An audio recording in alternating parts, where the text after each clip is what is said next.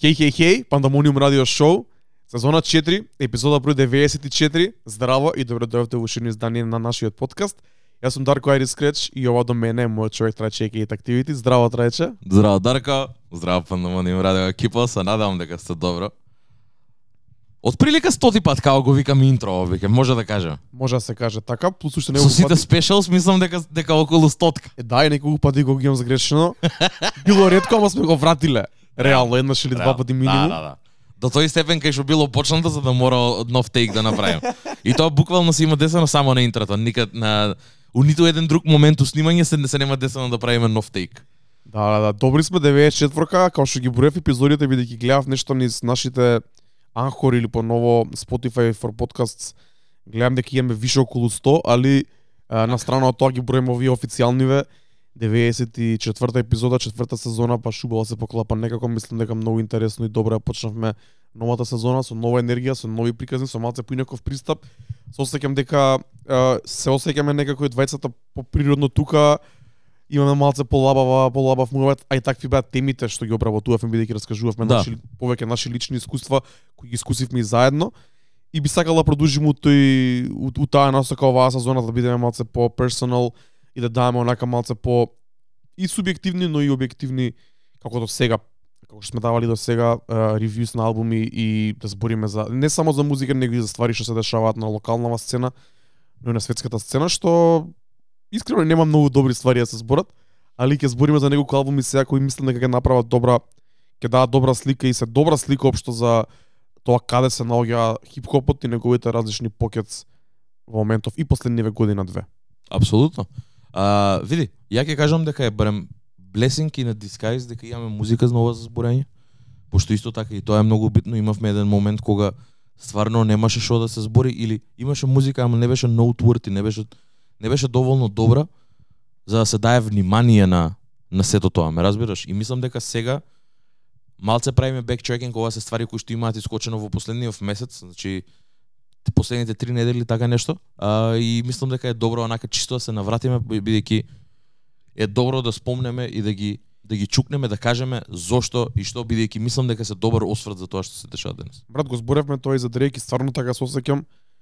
Мора да се трнеме и ние како поднаводници, супер фанови или критичари на музиката да правиме ревјуз на, на, на прво слушање на прв ден бидејќи стварно мислам дека не може да се долови музиката која слушаш првите неколку пати. Мора да има време малца да маринира, малца да ти легне за да можеш да дадеш и субјективен и објективен подобар осврт на самата музика бидејќи знаеш и, и, и ти го правиш истото кога слушаш некој некој албум за прв пат, за втор пат, те фаќа тоа што е најкечи, пробуваш да најдеш добро, пробуваш да најдеш лошо, а устори не оставаш музиката сама да ти музиката како музика онака да ти влијае на тебе и да да направи да се осеќаш некако.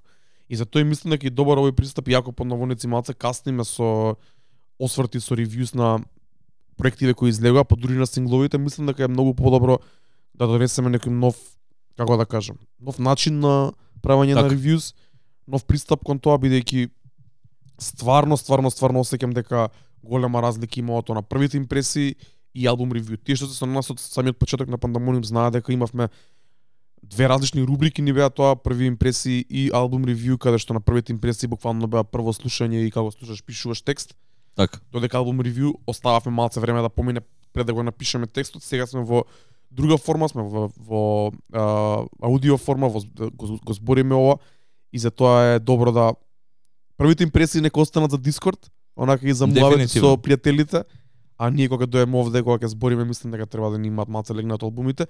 Ќе признам дека албумите што ќе ги збориме денес, некои ми се скоро па први импресии, некои ми се легнат Така. Али пак е друго отколку да она да го слушаш, ќе станам у петок од спиење да слушам албум и одма сега да се седнеме да збориме ја и ти. Кој што збореа Џо Баден и екипата за Дрейк, па после тоа излезе дека многу од нивните коментари и не се толку валидни со текот на времето.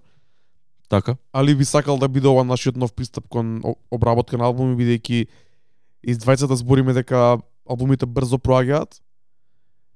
И знаеш како кога го обработуваш од прва и кога после го оставаш стварно и кога тебе ти проаѓа, кога прво џабе си го обработил, џабе сме го збореле овде, кога второ не се реални не, не, се реални коментари. Ако го ставиме 2-3 недели, месец дена, па после тоа го збориме, без разлика колку сме го слушале во периодот помеѓу, пак му даваме нека друга перспектива и може да да видиме дали има реплay value за нас и дали можеби ќе ни остане нешто Така. од него за уште понатака бидејќи при први слушања многу албуми преходнава година кои што ги обработивме во, во трета сезона мислам дека само ги зборевме тука и од тогаш ги немаме пуштено. Ја на пример ќе се навратам на еден таков албум кој што го имав кај што моментот кога искочи можеби не ми легна директно. Honestly Nevermind, озбилно, како по првиот момент уште кога вакво знаејќи дека Джими Кукс ќе се најде на албумот, како оч- очекував сосема нешто друго. И добивам нешто кое што е многу далечно од мене. Ама отидов за Охрид си го пуштив еднаш дур возов и топ ми беше, ме разбираш, кога преубаво се чувствував и тоа беше малце понатака веќе. Фактички го почувствував од кога требаше да го слушам, го слушнав во правиот сетинг и ме удри на друг начин и почнав да го да го ценам за тоа што е. Ме разбираш како а интересно баш дека пак спомнам за Џо Баден и за Дрейк. Брат, Google get your shit together и прекинете да не следите, ве молам. Значи, го зборевме тоа предходната недела. Го спомнавме името Дрейк, го спомнавме името Џо Баден. Цела недела добивам видеа сугестии на YouTube за бифот помеѓу Џо Баден и Дрейк. Онака имам изгледано три видеа веќе болно е ова, ме разбираш? Како- не е нормално. Ки, ве молам, као прекинете, не знам што кур се дешава, али скинете ме од лупот, ме разбира, као извадете ме од таму, ве молам, као не сте нормални. Значи, онака отварам и као The real beef between Drake and Joe Budden и као имаш 23 минути видео брат на зашо овие двајца и као искаш уствари дека се зажени и го пуштив брат. Потпаднав жртва по тоа брат и викам окей, ќе го пуштам и го си пуштам. окликнал више, Толку си брат. потврдил на Google Да, дека да. добро следи и се уште Да. пуше ги ти дава. Буквално. Да, да, да. 23 минути брат гледав за бифот брат онака уште од 2009 и сватив дека Џо Баден не е толку големо будала кој што изгледа. Имаше као добри моменти, ќе се навратам, ма, малце само ќе направам бектрек на се во Имам ја нешто друго да направам бектрек, али слободно. и фактички искача дека Џо Баден е уствари еден од нема да го наречам пионер, ама у тоа време многу луѓе го правеле и го клаунали и го правеле дека е голема будала за тоа што го правел. Пошто у 2009 он е првиот човек кој што го ембрейснал YouTube како платформа и почнал да прави влогови од тоа што прави на дневна база, да има некој со него што ќе го снима цело време. Што сега на пример е многу стандардно, реално, као влогови се Брат, да блокира подкаст мора да го слушаш. Таму се се збори за ова, се збори за се ова уште немам седнато да го слушам, ама ете Дарко ова е Прича да почнува со. Џо Баден и кое неговото влијание тогаш и има као 7-8 епизоди по саат време и многу се онака пуни со информации така да се можеби не се да ги слушаш онака на лававо, треба баш да се фокусираш или нема многу време. Сега не кажам дека има максимум 7-8-10 сати материјал, ама Да. целиот материјал е многу поучен и многу информативен и онака стварно е и е вистинска прича и Да, да. тоа има толку толку големо онака значење. као од, од, од тоаш навлегов кога си реков окей, добро, значи као блогови се првата ствар. И кога го почнал својот прв подкаст, а, ја уште тогаш се изакаджив уствари, ја не ја тоа не ни знаев што е подкаст искрено тоа време. Али ми беше интересно дека он збореше бидејќи Mood Music и сите тие албуми кои што ги имаш извадено после, значи голем фан сум на Slaughterhouse. И кога ги знам сите посебно и кога ги пратев, и у тој момент кога искочи не бев свесен за уствари за тоа што прави уствари и колку на еден начин стварно бил пионер во тоа што сега моментално е. Да, е како каков што е, како тоа карактерно нема да го зборам, но за голем дел од стварите кои што ги правил во 2009 и колку бил early endorser на тој звук и колку ги поддржува Ел Дрейк уште у 2008 и 2009 кога светот можеби уште и нема слушнато толку многу за Дрейк. Е многу многу откачено и многу интересно. Не само на звукот, него и на новите форми на комуникација, на новите социјални мрежи, на новиот начин на промоција на музика и на новиот начин на градење. светоа, да. Брат, гледај, така е, ама од друга страна кога више збориме за ова, на YouTube ми се појавуваат Hot 97, Power 106, као тие големи медиуми кои ќе стигнат више до тоа ниво, па дури и академикс кој го збориме цело време, као многу повеќе базирано се на трач и не е се поврзано со хип-хоп и не е се поврзано со Да. културата. Они они коментираат ствари што се дел од нивната култура, што не е дел од нашата култура. И такви некои глупи трачеви ко сите инстаграм страни што збореа за Джеда и за Вил Смит и за такви некои глупости и за многу помали. Вчера ми се појави некоја девојка, некоја глумица, у некоја комедија, појма немам која, е, 39 години има, уште била невина. И ми се појавува на YouTube као пост. Од Hot 97, брат. Шо ми постирате, нормални ли сте вие? Шо ми се појавува на YouTube на home И page, бро бе, брат? собери се, да, да, да, да се нормално. Као, не, не, И тоа не е искача поврзано- од Пит Роузенберг, ме разбираш, као 100% е од нив или од некој друг. Као пост на на на Hot 97 од YouTube, ама пост во форма на слика и текст. А, не. Бе, као не се нормални брат тоа. што постираат брат. Никако брат. Онака као збориме за хип-хоп, дајте ни да збориме за музика. Да, дај да збориме за Дајте да културата, збориме нема за музика, дајте ни марај. да збориме да. за концерти, за фестивали што се дешаваат, за нови изданија, за стари изданија. Онака пробуваат да пробуваат да се закачат на секој може нов не тренд, него онака секоја актуелна тема Да, бе, се нешто привлечат- што може да запали реакција да извади од од луѓе онака да Ја реагираат Џо Баден на не го гледам толку често, ама кога пуштив тоа за Дрейк, видов кои се темите на денот, онака зборат за Кевин Да. Џо Баден прави добро со тоа што ти дава превју на, на целата епизода од лево ти дава Колку тие теми се интересни за мене и за тебе? Да, не многу, реално. Не многу. Ја го барам тој коментарот со сите timestamps и идам кликам на нив. Али а, моабетот ми беше исто така во 2014 он прифатил работа исто да работи за а, Hot 97. Го имаат вработено и он збори дека неговиот лейбл у тоа време му има кажано нема шанси ова ти да го правиш две паралелни работи. Мораш да одбереш која ќе ти биде кариерата и он тогаш го прави тој свич онака тотално кај што вика окей, као ебете си го правам ово си верувам у тоа што го имам ја и тера. Што е исто така многу интересно, пак е 2014 брат, као луѓе не знаат дека 2014 и немаш ги немаше овие ствари. Као подкаст беше многу farfetched ствар реално и за и за Америка. Не е А, да, дека не, не, подкаст воопшто, не. Као... Така да, Џо Баден his shit, и, а, ама кој што кажа Дарко, дека избрзаа со тоа што го кажа и као едноставно немаат вре- немаа време да да им легне албумот кој што треба да легне и да маринира, буквално онака да остане со тебе една недела и да го пуштиш пак и онака да се вратиш или да читнеш нешто па да искочи нешто што поише контекст, да дознаеш поише ствари и поише информации да ставиш позади. Мислам дека е добро вака што го правиме ово. И да бидеме реални, они бараат реакција од луѓето, затоа има и многу хат тек, затоа и многу изборат онака многу чудни ствари, многу големи ствари што и можеби делумно и они и, и они сами не се веруваат на нив, ама се Да. тоа е за вјуси, за кликси, за коментари и за зборење онака за за рич, за, за, за што поголем рич што мене искрено не ми се свига. Ја правев, ја правевме оваа паралела и неколку пати во третата сезона. Тоа се случува истото и во и со спортските шоуа во Америка каде што се вади прво да се извади само реакции и се хејта непотребно и најголемите звезди на спортот, на кошарката, на американскиот фудбал, на а, хокејот, на бейсболот се хејтаат онака само колку да се извади реакција и колку само колку да се Да. збори, да се збори, ама после 10 години таков контент станува онака излитено виши и се осеќа дека е као со сила направено и може да се препознае кога некој онака јаде гомна за да добие за да добие views и тие што се нови на Пандамониум ние уште од старца да говоривме дека нема да влагаме да коментираме трачеви, нема да ќе пробаме да не збориме толку лошо и да даваме толку големи хат тек за да се со, само со цел да извлечеме Иако е Коментари, хат да биде базирано на нешто кое што стварно е стокмено у еден хат тейк, ама да има цела позадина и ако ме прашаш да можам да ти објаснам што Да, значи. да, да, ама намерата се гледа брат. Да, значи може да е да. намерата за добар муабет тука Да. или да е намерата онака да привлечеме внимание од јавност и да донесеме повеќе луѓе тука па да се караат у коментари ова, не, значи Така. збориме за музика, збориме за култура, збориме со добра намера пред се, со добра мисла и гледаме да биде и објективно, но се разбира и субјективно од нас двајца бидејќи и двајцата сме големи фанови на оваа музика и на оваа култура. Кога збореше више за Honestly Nevermind, само ќе ти кажам брат дека онако Дрейк уште еднаш се покажа дека е пред времето. Ги зборевме Kind Music, кој се дел од продуцентите таму. Значи таму е Black Coffee као продуцент, Така. Гордо, a.k.a. Карнич, го знаеме. Карнич има голема поврзаност со хип-хопот, голема поврзаност со трапот уште од времето и плюс доаѓа од Америка со потекло од Никарагва што е као еден момент Black Coffee исто така е многу почитуван и многу ценет во во Америка поради тоа што доаѓа од Јужна Африка и као Црнец еден од најактуелните продуценти на електронска музика го има го има респектот таму уште на времето уште кога беше on the rise онака имаше официјални ремикси со Алиша Киз и слично па дури на неговите шоус на Ибица до оваа година и дојде Алиша Киз со Spitz Beats дојде Тревис Скот, лани беше и Дрейк, ако се сеќаваш зборевме за тоа. Да, Но третите тр- третите продуценти, тре- третиот дел од целата продукција на албумот беа Kind Music, тоа се тројца диџеи продуценти од Берлин кои прават малце поинаков звук.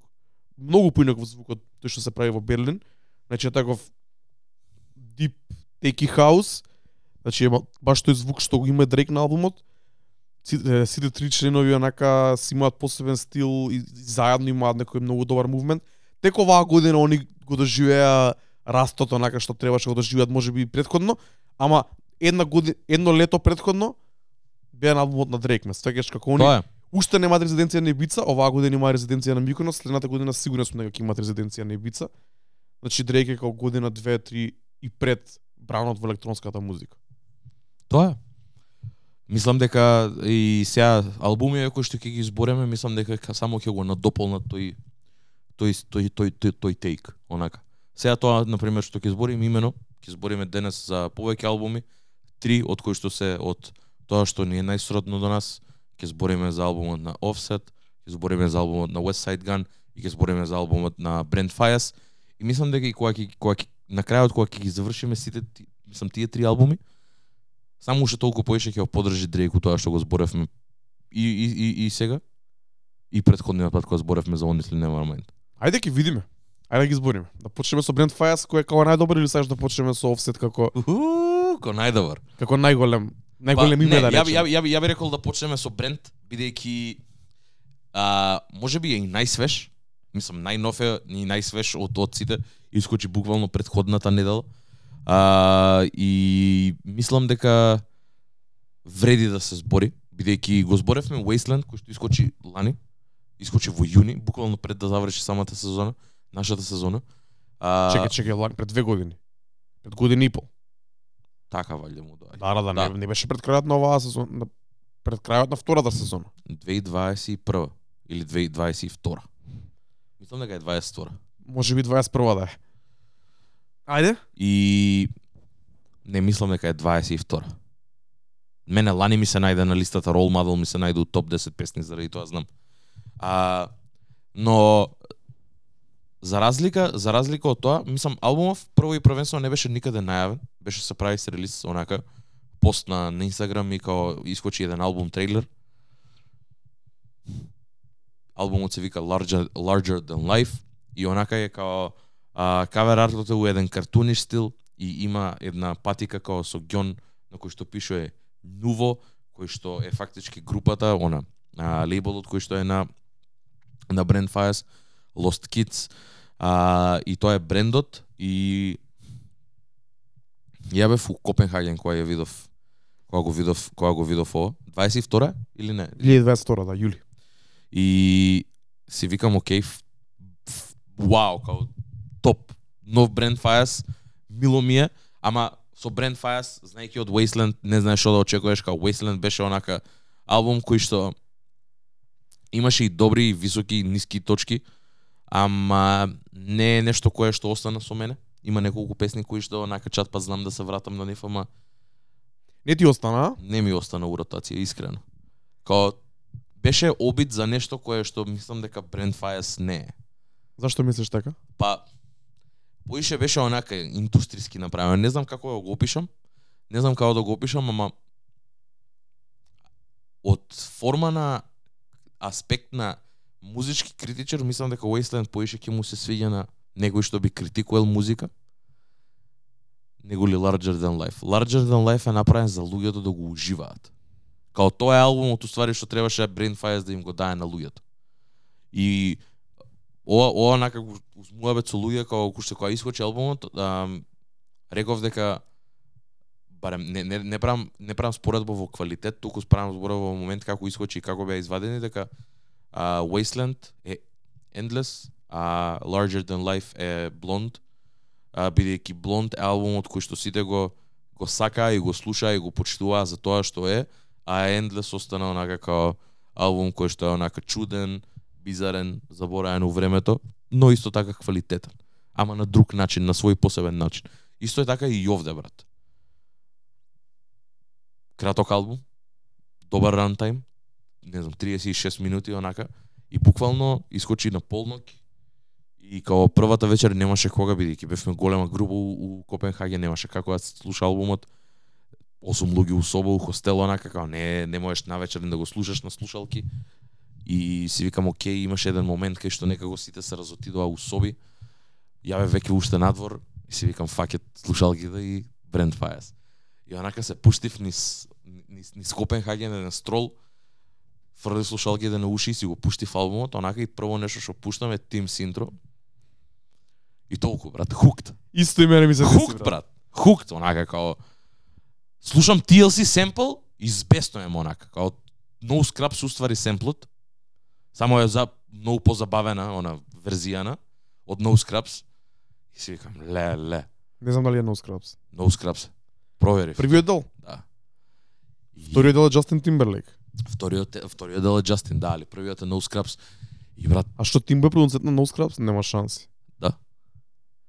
и си викам да бе, ова е викам тоа како 2023 Brand се кој друг може на пример да да да прави нешто многу многу интересно со со со Тимбо брат. Као Тимбо вака до, до сега никад не ми не ми, не ми има текнато, ама Брент и Тимбо би биле као феноменална комбинација со Тимбо да си го донесе своето и Брент да си го донесе своето и пак ќе се дешава таа 2000s Magic, брат. Овде има многу 2000 influence, ама е на многу добар начин. На многу добар начин. И мене тоа ми прија. За прв пат, последниве неколку години, албум кој што има многу така примеси од 2000-ти да ми се свиѓа искрено. Ти? Ќе бидам искрен, после Wasteland не ни знаев што да очекувам и го пуштив албумот само онака викам, ајде сега, тоа Тоа е е Brand Fires. тоа албумот што излезе, треба да го пробам, да го преслушам. Кликам и исто кога прво го слушам и гласот на Тимбо. Битот почнува со виолините. Викам, Долго. ова е ненормално. Цело ќе го преслушам. Продужува, се менја семплот на пола, влага Justin Timberlake семплот. Викам, добро, втора песна, трета песна и Така. Ше бев закачен. Ама првото интро со со Timberlake, но со Teams интро ме закачи Тоа е реков, уствари- и реков ќе го преслушам проектов и тоа е тоа. Браво, Бидејќи за бидејќи. Wasteland не можев да го издржам да го слушам целиот албум, ова беше тотално спротивно. Ова брат 20 seconds и ни онака. Rewind правиш брат. Ај уште еднаш. Да, Ај уште буквално. еднаш да ги чујам виолините, брат. Ај уште еднаш да ги брат. буквално. Многу многу јак опенер. Многу јак опенер, реално и мислам дека и тоа заради тоа заради тоа велам дека ова не е направено за за да се збори и за да се критикува, ова е буквално направено само за да се пушти и да се ужива, брат. Брат, ќе ти кажам нешто. Уште на старт на ревјуто на овој албум. Ова е најслушливиот албум оваа година. Дефинитивно. Албум со најголем replay value, Ја највише пати го имам преслушано Албум со најмалку сите до сега што ги имам збора. албум со најмалку скипс, ке збориме за тоа. Али е албум направен за луѓето да, да го слушаат. Дефинитивно. И нема нешто подобро од тоа. Не може да добиеме нешто подобро од тоа. Не ме интересира ништо ни за критичарите, ни за оценката, ни за јутуберите, ни за Фантано, ни за ништо.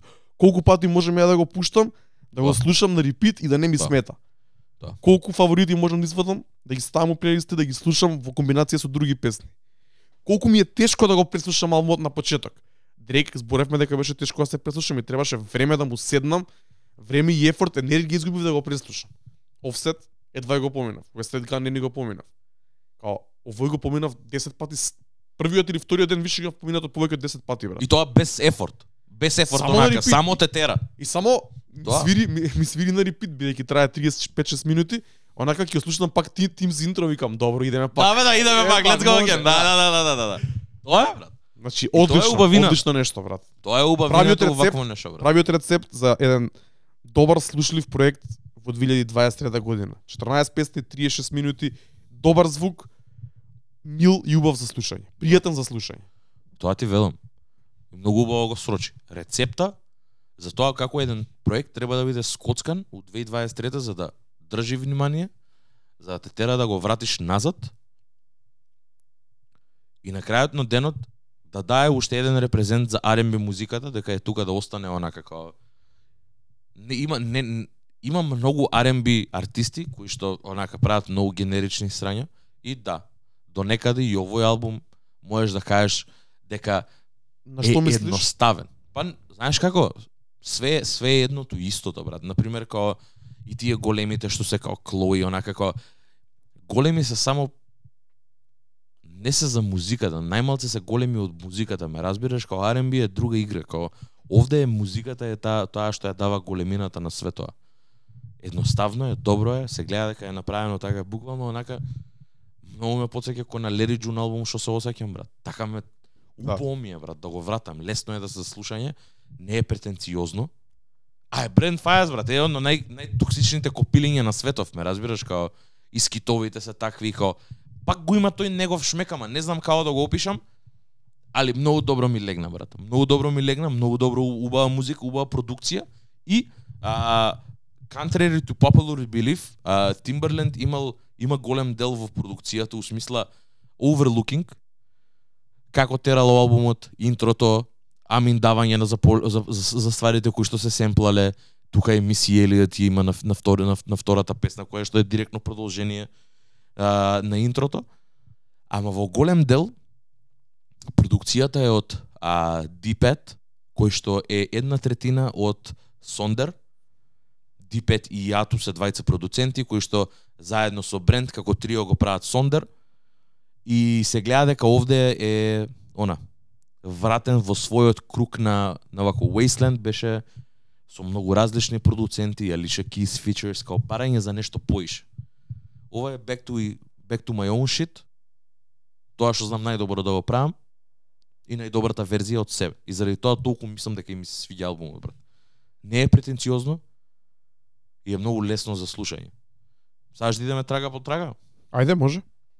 Значи, пак ќе кажам, интрото може би едно на најсилните ствари, пошто Мене искрено ми е, брат. многу јако влага, брат. Многу јако влага онака како отвара, брат. Као мислиш дека е многу е синематик искрено. Да, и мислам дека surprise факторот игра, игра многу голема улога бар првиот пат кога ќе го пуштиш. Тоа сам да ти кажам, за луѓе ако го немаат пуштено, ве молам почнете од таму. Пуштете го интрото и као само мислам, пуштете го. И мислам дека е добар репрезент за тоа што следува ни целиот албум, брат. Тоа, буквално. Знаеш одма каков е вајбот. Одма знаеш каков е вајбот и како ќе биде течението на целиот албум, брат. И онака како нормално човек си го отвараш албумов, значи буквално ќе го опишам, ќе опишам ја што прев друго слушав прв пат.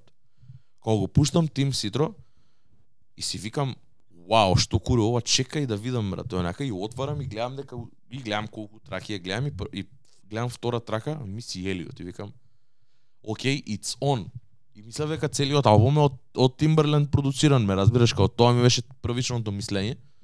За после да сватам дека не е така и одма почнав да гледам кредит, кредит, кредит, кредит, за да сватам дека уствари D5 е поголе е виновникот кчи, а, каде што е пишана најмногу песни.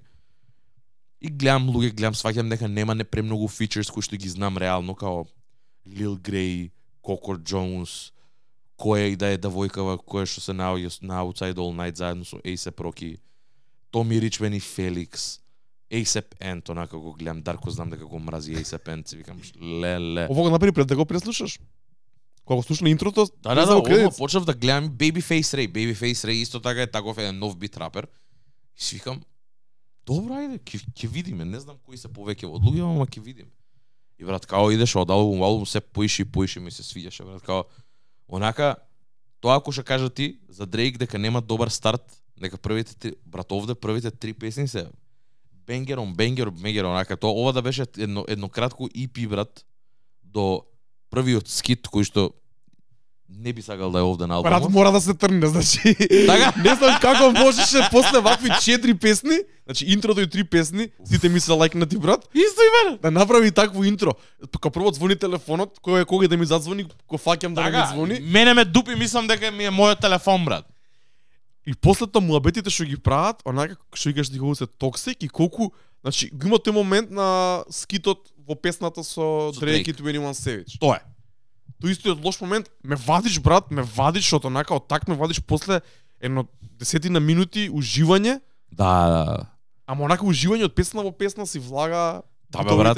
Онака со Пењето- насмевка на мене, све ми функционира, брат. Све ми е добро, и миси ми е добра, и бренд ми е добар, и продукцијата ми е добра. Таква е грандиозна, е длабока е, онака се гледа дека има Timberland инфлуенс. И ти влага овој како збори глупости нешто да има како ху, Кара. се караат нешто преку телефон. Им сте имале 7 долари меѓу вас, од кај пари за ово. Да, да, ова друго исто му збори. Глупости, брат. Значи глупости. Гона. Big Mad, Big Mad Skit мора да се трне и за нигде и немој да го правиш ова више те молам. Еден, едно од ретките критики за албумот. Да, реално. Полукритика, брат. Forever Yours и Best Time, како едни од најдобрите песни на албумот. Добро? Зашто траа то- толку кратко и зашто се кон недовршени песни? Не знам. Не знам, не знам, али али али, али ме тера да сакам уште од од, од тоа. Ме тера да ги вратам од една страна, тоа е окей, ама брат се као минута 36 и минута Многу, 22. многу јако, брат. Многу јако. Као буквално о- онака еден од подобрите албум опенер се тие четири траки. Као тоа до душа и онака и скоро пола албум што се вика плюс минус, мање више. Да, Ама е третина многу да речеме. ама е многу, многу, многу сериозен опенер, онака, као трака у трака, онака само влагаш у подобро, подобро и подобро. Да.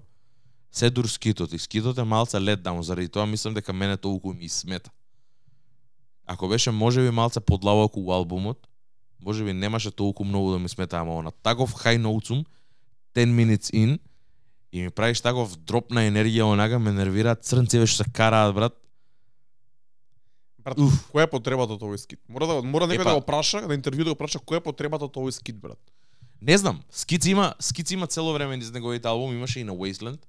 На Wasteland се караат со девојка му и затоа престанав да го слушам, брат. Да, истото е. Истото. И мислам дека како не знам, не, не знам, не знам што уствари од каде доаѓа, ама е тоа токсик masculinity пак онака да се погаже валјда тоа што се дешава. Можеби и ние не можеме да го сватиме бидејќи не функционираме на тој начин и не движиме во такви кругови. Верувам дека о, таа иста енергија се реплицира и у Македонија на некаков свој посебен начин, ама ние не сме на различен начин од тоа. На различен начин, ама сличната ствар е, ме разбираш, како само е спакувана со друга култура, со друг пристап. Uh, и мислам дека не сме дел од тоа и мислам дека заради тоа не можеме да го сватиме што можеби за некој друг кој што е дел во тоа или го живее тоа и е во таква врска или во таква корелација со личности и со жени и со свето, можеби ќе му можеби ќе се пронајди нема да му е толку страно. Мене ми е престрано дека ова многу далечно од мене. Као таков муабет тоа да го збориш, да Ја не можам таква реченица да склопам, ме разбираш? Така. Ама и од, и од машката и од женската страна исто. Да, да, да, апсолутно, двете страни, брат. Не можеш да склопиш таква реченица, брат. Who, who are those bitches? Као слушам некој во позадина, као кои се куруве триве во позадина што зборат и текне, као од кај вие толку пари за ова и тоа да го правите? Као знам дека имате 7 долари меѓу вас, то тоа и го викат тоа као кој муавете тоа, ме разбираш? После тоа, пак се враќа онака. Мора се трне Скитов. Да, да, Скитов ми и мене исто така low point на, на албумов и мислам дека можеби единственото нешто што ми смета искрено од овда. Што смета, да. Као другиот скит, и знам, знам дека има уште еден скит, тој не ми е толку пошто тој негова послеан ми е у песнама. Е, тој не се сеќавам, искрено. Да, е, заради тоа мислам дека е многу послеан у, у, сами, у самиот звук на на целиот албум тогаш сонично и мислам заради тоа толку и не смета. Али Moment of Your Life со Коко Джонс исто така многу добра песна. Outside All Night A$AP Rocky и која и да е девојка, немам појма, али многу, многу, многу добро. Значи, ја морам да кажам, мене онака имам поише по, поише песни, целиот албум ми е лайкнат, го лайкнав целиот албум онака. али ја би рекол Teams, Teams intro, Last One Left, Forever Yours, Best Time, Outside All Night и Upset ми се онака умилени умилени песни и као тоа ми е и може би апсет, може би онака ми е и нај, најдобрата песна моментално, бидејќи битот е многу специфичен. Као таму битот не е толку многу Timbaland продукција, ама се гледа дека е инспирирано од таму и е направено како многу помодерно нешто од тоа што е. И не знам и врсот и и самиот и сами и самиот рефрен многу многу добро звучи онака и као уште толку поише го сагам фактот дека беше surprise релиз брат. Дека не беше најаве, дека не беше ништо. Само имаше албум трейлер стајано онака 15 минути пред да искочи албумот и бум, еве ви го албумот, слушајте го. Као такво беше, многу непретенциозно и мислам заради тоа и што е исто така многу голем контраст на све тоа што правеше бренд до предходно. И плюс дека сега му почна турнејата ни за Европа. Иако турнејата е за Wasteland, мислам дека као реално треба да настапува и од ова. Мислам дека ова поише реакција ќе извади од луѓе на, на, на, на лајвот него ли да пее песни од Wasteland. Не знам, брат, јас знаеш дека не сум преголем фан на Brand Fast, посебно не со последните неколку проекти, ама имав некој впечаток, впечаток дека голем дел од полу мейнстрим публиката се закачи на него со Wasteland, што може би на да не знам колку ви арени ќе биде, ама мислам дека ќе има и таква публика што ќе знае за Wasteland или може би само за Wasteland. Али мене ова поише ми се свига ако збориме субјективно, објективно не можам да зборам дека како што кажи ти Wasteland може би е подобар за критичарите и е повеќе наменет кон мейнстримот, а ова е баш онака за фанови на не, не, не на хип-хоп, него на R&B музиката, на овој R&B звук, бидејќи знаеш дека ја не сум голем фан на R&B, посебно не на тој длабокиот R&B што ти го слушаш. Да, реално. Ова е нешто ова, близко до мене, брат. Ова е многу разиграно, брат. Ова мислам дека дури има и ствари кои што можат и да влезат и на и на warm-up на некоја Има. журка и све тоа, као Where, You At, која што беше сингл, која што се појави две, две недели пред, пред да искочи албумов. Исто беше многу интересна. Има уште една песна која што не се појави на албумов, се викаше Fake Love, која што беше, мислам дека со Marshmello. Исто така. Као, имаше поише ствари кои што функционираат добро, али албумов код целина е лудница. И искрен, наискрен ќе бидам, може би не ми е album of the year, ама ми е топ 5 секако. Ја ќе ти кажам брат, најконцизен проект на годината. Да, реално да. Нај проект со најголем replay value, проект Контендер е за AOTY, ама да најслушлив кажам проект од целата година. Најслушлив проект брат, со најмалце скипс што едноставно мора да се земе во, во предвид кога се збори за албум на годината. о, апсолутно. Другата крајност од Дрейк е ова брат. Апсолутно. Дефинитивно. Ова е све тоа што не ме кај Дрек, ова, ова, ова, го има све тоа. Да. Као сите работи што ни фалеа кај Дрек, ова го ова го има. Значи мал рантайм. Пак се 36 минути, ама за 36 минути Не, не, идам до- 36 минути е таман рантајм, идам, брат. Не идам, може идам, ни помалку тоа да да, биде. идам, идам до маркет, пазарам една корпа и албумов ми има завршено, јас сум веќе на каса, ме разбираш, као тоа е, Тоа е тамане, тоа. брат. Возам до, ако не се лажам, до Штип или до Струмица, албумот више три пати имаше свртан. Од дома Тоа е до тоа, дека не стигнав, сваќаш. Или два и пол пати. Тоа е тоа. Лесно, брат. Лесно, лесно проаѓа времето кога се слуша, не те замара, не го мислиш. Онака слушаш убави битови, слушаш убави текстови, добри лајнови, онака. Фајас си е Бренд Фајас. Влага и се проки менја. Мене ми се свиѓа, ми се свиѓа таа- песна сега в малце повеќе да збориме. Outside All Night ми се свиѓа дека е прв пат онака да има некој да речеме трап или даун темпо бит, Е тоа. uh, uh, South uh, Southside бит онака на на овој албум што исто така го смени вајбот. Пак е тој R&B вајб, ама е скроз Скроз поинако. скроз нешто као bouncy е, као се гледа Е. дека е по южен звук. И A$AP Rocky многу добро влага овде. Онака кога почне A$AP Rocky ме разбрда и викам добро, ова му е на. A$AP. Да. Не да биде сам на песна, не би го слушал сега во денешно време сам, ама као овде ми влага многу добро. Е рефрешинг. Истото и важи и за Band. Ти се свија? Да. И мене ми се свија. Добар е пичка му матер. Не, добар е. добаре, вакво издание се многу добри. Добри, е па тоа е. Значи, имаат моменти кои да се стварно брилијантни. Онака и се и се проки овде влага многу јако и плюс од тоа Just Don't Fuck My Friend, Just Don't... Као... Има многу добри моменти на албумот, брат. A$AP се проки еден од нив, дефинитивно. И као многу добар, многу добар онака а, многу добар албум и мислам дека вреди за луѓе кои што се фанови на R&B, се фанови на модерна музика, исто малце трап, малце R&B, малце по баунси. Вреди да се чуе. Има од се по нешто за било кој фан на на да речеме на овој хип-хоп, R&B, трап, жанр. е релативно онака. краток онака албум. Не... Убаво, убаво е све компактно ставено внатре у него. Ќе ти кажам, критиката е Big Mad Skit, обавезно се трне и Forever Yours и Best Time да добиеме пологи верзии. Без запуштање мислам дека овие ќе функционираат, ама се прекратки за да бидат песни песни, бидејќи некоја од овие да беше сериозна песна и можеби да беше да беше посветено вниманието како на сингл, можеби ќе беше контендер за, песна на годината или за една од најдобрите песни на годината. Те сваќам. бидејќи вака не се комплетни песни, брат. Не може го збориме тоа. Не сакаме да бидат премногу дол, дол, премногу долги стварите, ама не сакаме ни да се минута 36 и минута 22.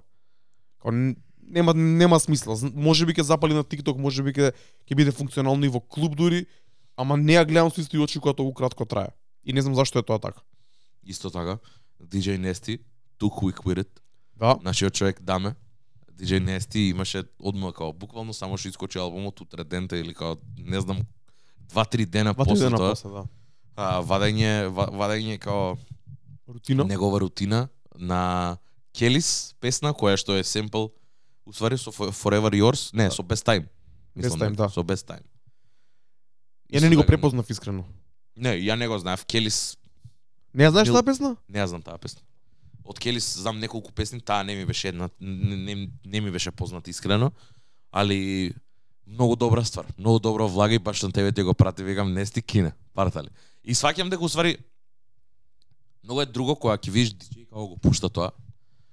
Сваќам дека усвари заради тоа ти викам, има моменти кај што на warm up може да влезе онака. Да, брат, само Да со само со секој. 500 минута 22 е проблем. Е добро, да, реално. Дур да ја пуштиш треба да ја Посебно и за да warm ја смееш. За прайм тайм како идеја толку кратко ги пуштаме песните, ама не се толку кратки самите песни, ме сегаш како Треба да имаш посебен начин како да ја ставиш и како да излезеш од неа.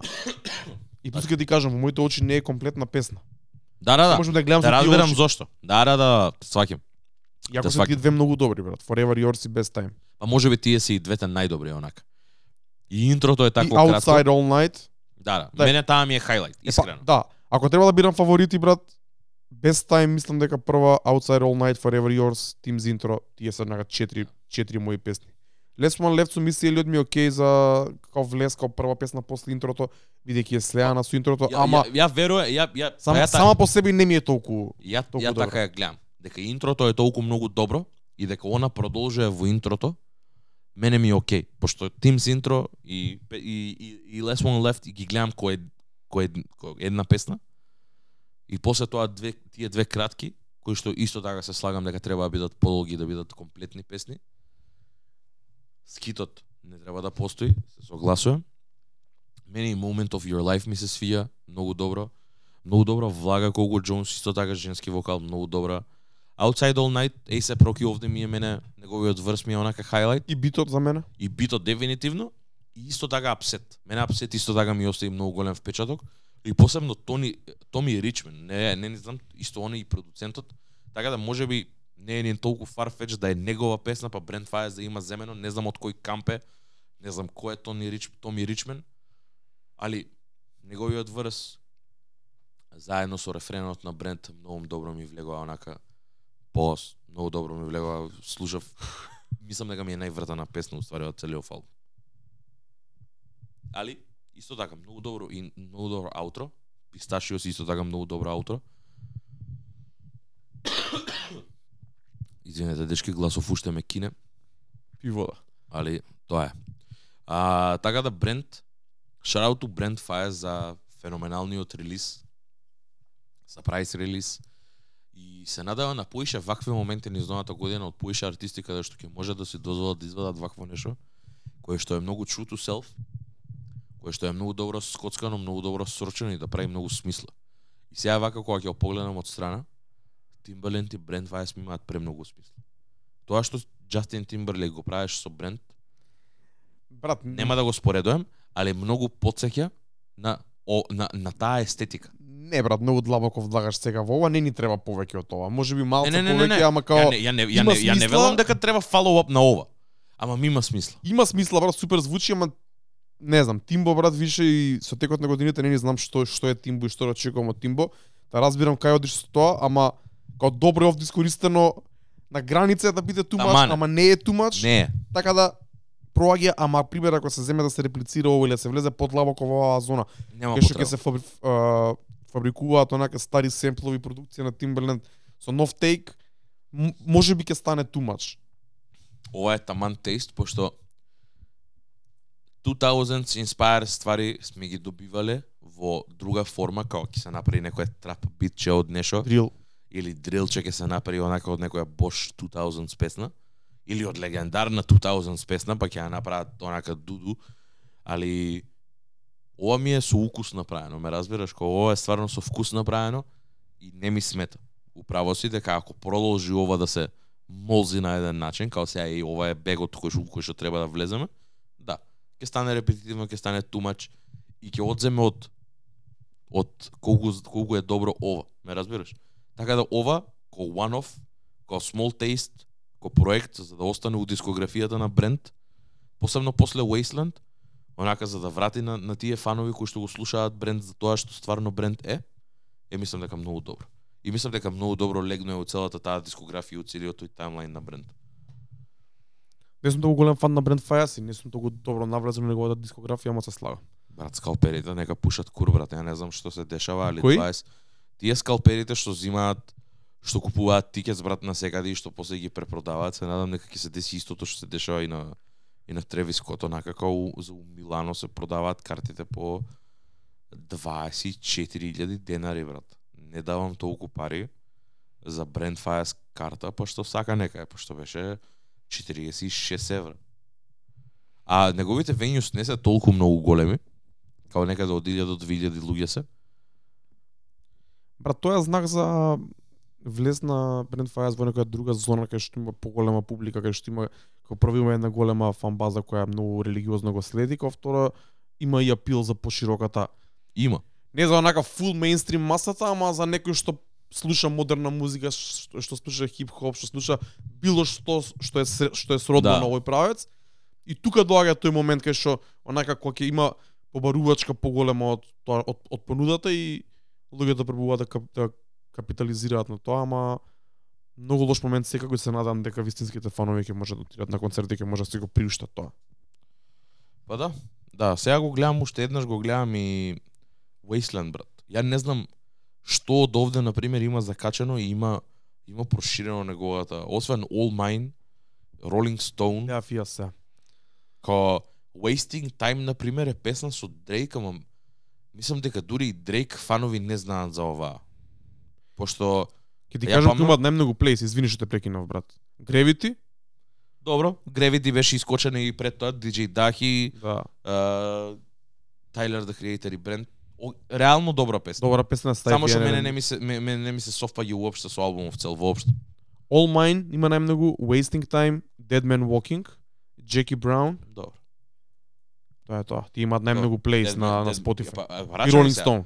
Значи, рачунај дека Dead Man Walking исто така е сингл пред тоа. Затоа ти викам, албумов не носи ништо, ја не знам кој кои се тие луѓе кои што си имаат закачено на Wasteland, брат. Ако ако ја земеш Dead Man Walking, да, огромен хит му беше. И као верувам дека има привлечено поише луѓе, ама Dead Man Walking беше сингл уште пред да искочи албум, уште многу пред да искочи албумов.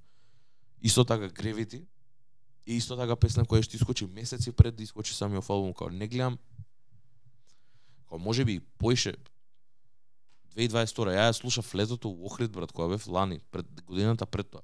Што значи дека Gravity има искочено цела година пред тоа. Јас Gravity имам ставено на микс кој излезе 2000 Ама не, 2000 не, не, не, 2021 во април. А албумов е јули 2022. Што значи дека Точно. Песнава е престара за да се најде на албумов, ме разбираш точно. ако има привлечено фанови, има привлечено фанови песнава брат, а, Може би да. а, а нема самиот албум. Заради тоа ти викам пречудно е песниве кои што се на албумов, кои што се појавија кога искочи албумов, освен All Mine, освен песна на нас со Алиша Кис и Wasting Time кој што беше последниот сингл пред да искочи албумот, мада и таа искочи исто така кога бев у Охрид, тоа се памтам, ја памтам, и беше као онака многу заборавлива песна со Дрейк.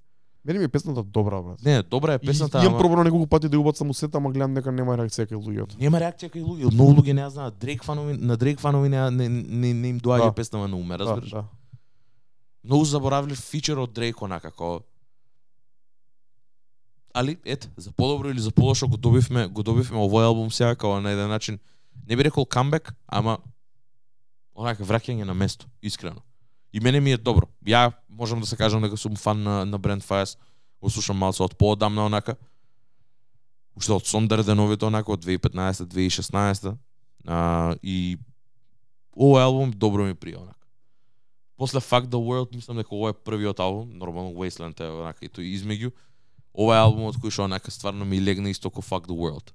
Пошто Fuck the World знаеме исто така 2020 сред ковид онака Да. беше беа други времења. Ова е на пример сега не е толку даун темпо, не е толку она бавен, е баунси, разигране, го има тој 2000 звук онака малце поубава енергија има, попозитивна енергија има и мене заради тоа толку ми прија. И убаво кажа ти, effortless, непретенциозно, убаво направено, кратко, За фанови, као тоа е тоа. за уживање. За слушање. Музика за уживање, дефинитивно.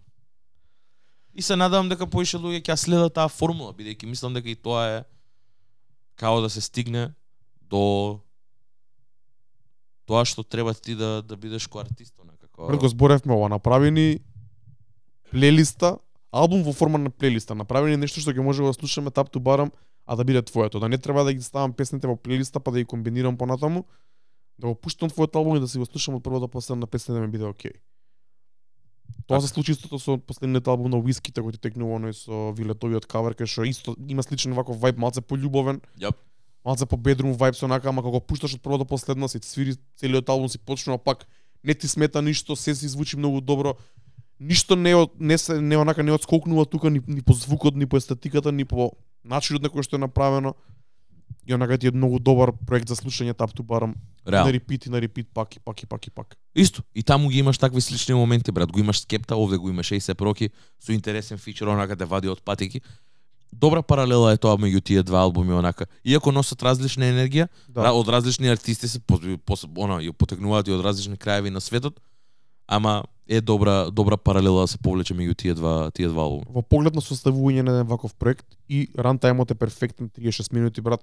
За еден проект да биде како што треба, ни треба такво нешто пола сат, 40 минути, десетина песни, 15 максимум и сличен звук во текот на целиот албум или бар онака максимум поделен на два, два вида на звук на толку краток проект. Та Само така може да добиеме еден концизен проект кој што Па ќе ни го задржи вниманието од почетокот до крај, ќе има смисла како проект. Бидејќи зашто Да. водиш проект ако само нафрлаш ра- ра- рандом песни една по друга. Да. Така да, топла препорака, Pandemonium препорака, Да. Brand Fires Larger Than Life. Опа. Ете. Вистина е. God Добро. damn. Идеме, нема врска, тоа е. Тоа е. Да, да. No, no, no не, не, нема, да, само извадија. Ќе ја средиме следен пат. Може би малци и рамката се оштети, ќе треба да. Знае да се деси ова. Се нема десано мит, а, мит снимање, Да. али тоа е тоа. Тука сме шарал до 5 денара Стефан, кој е заложен за нашиот нов изглед за сезона 4. Се надам дека ви се допаѓа, е вакиот малце поблиску да го видите постерот. О, леле, катастрофа. Ова беше добар момент да се преде на следниот проект. Товар сегој. да. Товар сегој, реално, малце хаотично онака, сега у позадина имате а, лепенки кои што ги користевме за вакво, кои што очигледно попуштија, не знам зашо, ама тоа е тоа. Добро се дешава, тука сме во живо се снима се ова, односно one take како што кажавме на почеток, не го запираме, продолжуваме така и Апсолутно. продолжуваме. Најбитно е содржината и најбитно тоа што ние го збориме, брат. Ова само може да е некој онака За, ти- за тие што не за слушаат, гледаат да, и за, тие што ќе стигне до за, 50 за, минута. за, за тие што слушаат у аудио формат и не, не го гледаат видео паралелно, моментално падна рамката која што стои на вратата, која што е залепена од посторот за четврта сезона, лупна. Среќа него оште не ја оштети палмата, така да тука сме и продолжуваме. Следен кој што ќе го збориме е а, новиот албум на Offset, Set It Off, а, кој што е неговиот последен соло албум, а, после целиот тој fall, fallout и fall off и ситуацијата со take off, а и све тоа што се дешаваше онака веќе не постојат а, не, не постојат мигоси, не постои ни тоа дуото заради тоа, бидејќи онака као Quavo и, и, и Offset не вајда таму се, се сруши целата таа динамика која што има. И ете соло албум кој што беше им- имаше имаше еден сингл а, мислам дека пред или два една песна со Cardi B мислам дека имаше и една а, која што искочи позатоа а, и онака искрено ја ова го слушав и го пуштив за да видам тоа Дарко сега тоа што ми го кажа буквално пред да почнеме да снимаме е многу точно и мислам дека стварно онака го пуштивме за да видиме бенчмарк за дока и дока е онака цела хип-хоп култура, онака на дека е на нози, на колена и дека веќе веќе нема ништо ново да понуди. Значи, овде сме а, овде сме мислам ќе го збориме албумов и ќе навлеземе во него, ама мислам дека ова Дарко го кажа и го кажувам у негово име. Албумов е се тоа што е грешно у хип-хопот денес, буквално. И стварно се слагам, стварно е така, брат. Мислам, олицетворение на тоа што на сите вредности кои што онака фалат у хип-хоп. На ситуацијата на сцената во моментов, брат. И по поглед на звукот, во поглед на стерилноста, во поглед на немање идеи за нова содржина, немање идеи за нов звук, пробување да се реплицира и да се повтори се тоа што функционирало пред 10 години и онака многу, многу, многу излитено звучи, брат. Многу старо звучи, многу несвежо звучи. Проекти ко Brand Fires и ко West, и, албумот на West Side Gun звучат многу по... Бар знаеш дека добиваш нешто што е различно, нешто што го немаш чуено илјада пати до сега. Мојата прва забелешка. Offset албум сам, 21 песна, 1 саат. Го критикувавме албумот на Migos, Culture 3, кој имаше 28 песни, ке што беа сите три Мигоси, така. со многу фичерс, се уште малце под праймот, онака на залезот на праймот. После 4 4-5 години после тоа да го слушам Offset 21 песна сам, Не задеша. брат, 5 песни не може ми задржи да ми задржат внимание, камо ли 21 песна. Не се нормални што прават, не се нормални како пробуваат да, го- да постигнат тоа и не се нормални сите што работат и во нивните тимови и во издавачките куки кои што работат со нив и сите луѓе кои се кои се како се вика тоа ангажирани околу овој околу овој релиз бидејќи ова е се што е погрешно што со хип-хопот у моментов. И стварно е тоа така, брат. Значи, му дадов шанса, му дадов шанса и си викам, окей, ќе бидам оптимистичен и ќе бидам објективен и нема да се мрштам.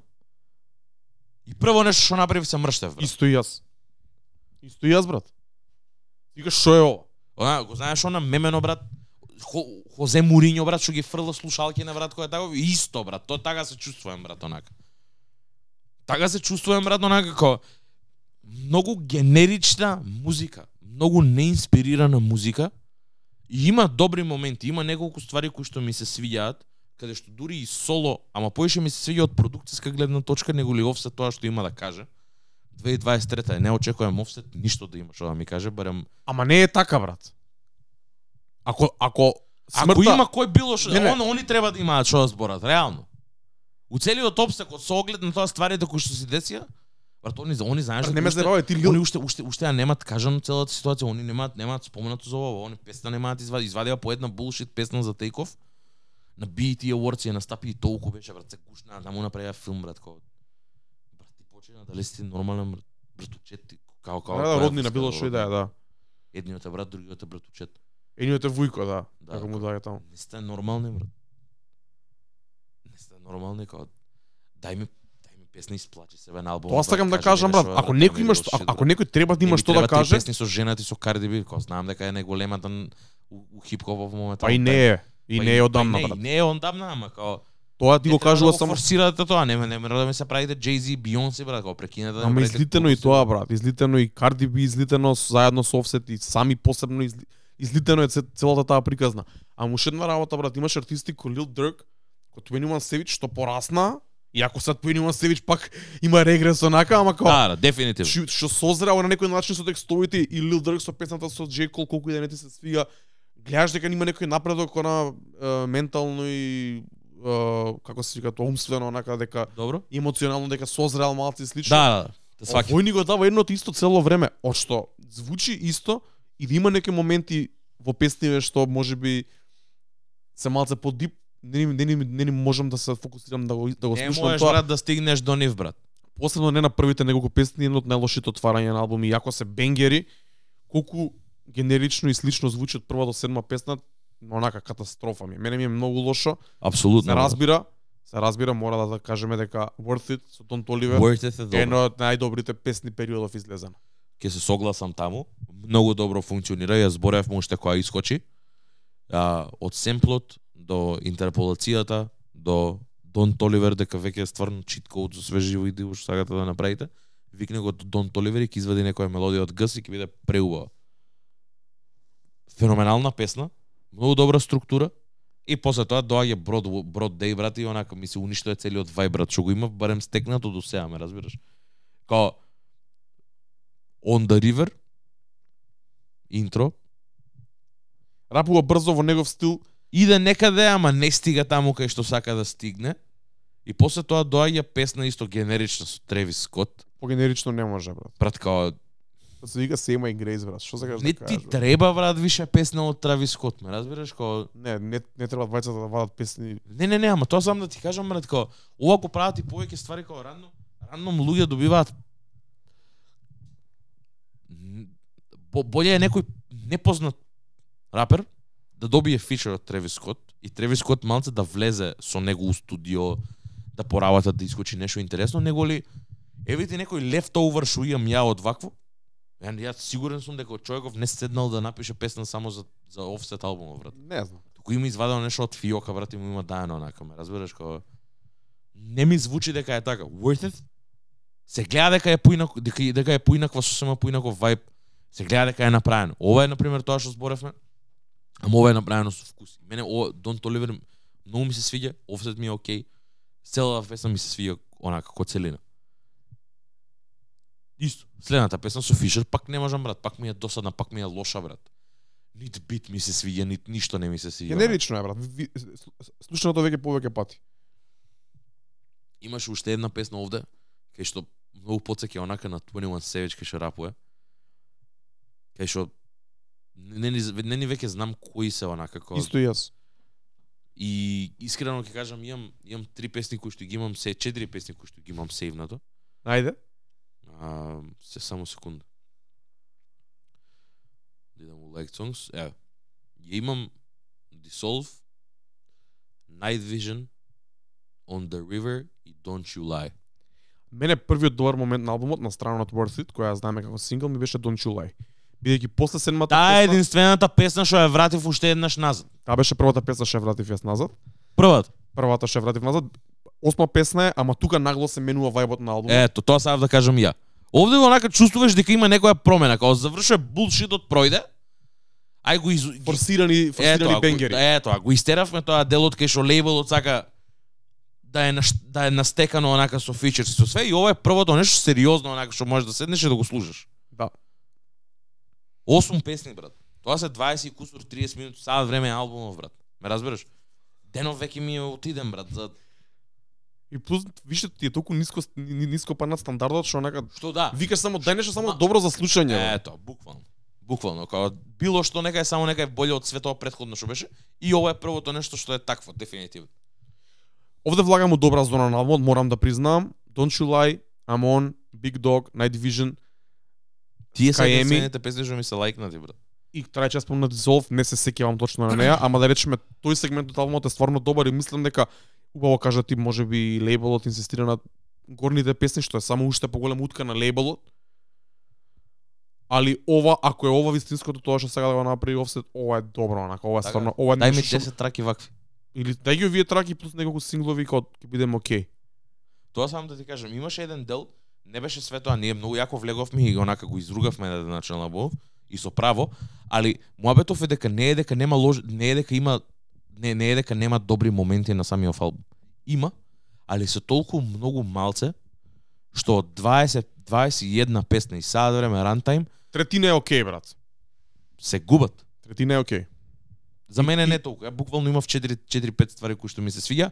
Е па добро. Еве, јас уште две ќе ставам, ќе направиме тука еден еден едно EP од 7-8 песни. на- Што е третина? албум, Од што е- 20 на песна е една третина. Бидејќи гледам како се наместени брат, значи осмата песна е прва што ми се свиѓа и да речеме 15 е последна што ми се свиѓа и после тоа нема ништо што ми се свиѓа на крај. Значи средниот дел на албумот е тој што ми е најокей. Исто. И пак истрошени фичерс Young Nudy, Chloe, ја спомна ти како R&B пеачка. Исто така, прегенерична звучи и овде брат. А Клои треба, Клои и Хейли се две сестри кои што се треба да бидат најголемите R&B звезди пошто се пушнати од вакво, Тоа ме е поп разбираш. R&B. Ама тоа сам да ти кажам, е па тоа сам да ти кажам, тоа е далечно од тоа R&B што кое што го не, ја не велам дека Клои и Хейли не се не се R&B. И имаат R&B песни, имаат R&B албуми. It. Не е ова за мене. Општо, општо вака објективно гледано, не е ова за мене, стварно. Као овие ниту еден фичер освен Дон Толивер не ми залепи кој што треба. Нит Cardi B, нит Future, нит Travis Scott, Да, вака на лист да ги гледаш сите, па дури Лато, Young Nudy. Сите се големи брат. На свој посебен начин се големи фичерс. Ништо не ми Не знам прави на тоа. кој начин, брат. Ништо не ми прави тоа. Мислам Future, Cardi B, да ги знаеме. Travis Scott го знаеме, Chloe ето ја знаеме, Young Nudy Лато, брат, тоа е Да, многу е далечно. Катастрофално, брат. Да, да, дефинитивно. Али само да ти кажам дека пак што е тоа што те тера брат? Young Nudy да го ставиш на песна брат. не знам. Не знам, не знам. Као сваќам дека имаше сваќам дека имаше лани момент, онака имаше еден вирален вирален момент со песна со 21 Savage, ама That's about it. Мислам, ја има има песни што ми се свијаат многу од тој, албум, има две-три онака. И тоа беше онака од кога зборевме со Фунза за, Да. за целото вакво и као слушав али толку е брат, као Завршува тоа, ме разбираш, 2023 е веќе као следна година е као зашто се враќаме таму брат. Не знам. На крајот на денот, утнат албум, воопшто не ми се свиѓа. Ќе пробам овие средични песни да ги прислушам уште еднаш да видам што се дешава, да ги сместам можеби во vibe плейлист или нешто такво да видам што можам да синам за сарато. И да пробам некогаш нешто да пуштам, ама мислам дека дури од бенгерите нема ништо да влезе бидејќи знаеш како ако има некој бенгер бенгер онака што Undisputed бенгер Знаеш. или ќе сме го пуштале или ќе го Да. побарал до сега. Никој не бара ништо од Offset, никој не бара ништо ни од Мигос искрено брат. Више со одамна. Песната Hotel Lobby која извадија Quavo и Takeoff. Да, Да, беше една од Таа подобрите. беше една од последните бенгери од последнава последниве две години, години и пол која Битот баш е сега ми ја побара, ми ја побара сега у четвртокот станица. Ја пушти. Не, бидејќи беше Lady Special, не, али ќе ја пуштам некој следен пат, ќе видиме како ќе помене. Таа е окей, Дама или машко ја повара? ја побара кошаркари дојдени од Америка тука. Да. Океј, understandable. да. Да, да, да, да било да, да, да било девојка која што ја побарал. друг е звукот, брат. Друг звук, друг звук имаше во текот на целата вечер. Нормално. не не влага таков трап звук. Дефинитивно. Уште немам пуштено брат J Cole и Drake песната. First person shooter, ја немам пуштено во станица. Следен четврт? Да, да, да. Овој четврток мора да се Мислам, следен четврток, овој четврток. Да, да, да, овој четврток мора да се пушти. А, исто така морам да напоменам уште едно нешто брат. Као не сваќам и ова што е со целава цел- целава прича со неговата со неговиот а, имидж цел сменет кај што се понаша како Майкл Джексон, брат, онака носи фитови од Майкл Джексон. А, овде е облечен апла ко Майкл Джексон на самиот кавер и каверот ќе признаам е интересен, сериров, као обратно е направено као свртена и инвертирана е целата вакво. Ама е добар play on words за Сереров, uh, Offset и као свето. али која е корелацијава со Майкл Джексон и, и Offset, бе, брат? Ненормално луѓе, брат. Кој е тој паметниот што му има кажува на Offset дека треба да треба да носи Майкл Джексон фитови, брат? Нормално е лист. Мене тоа ми е заради као заради тоа заради тоа кој што кажа Дарко ова е све тоа што ова е све тоа што е она проблем со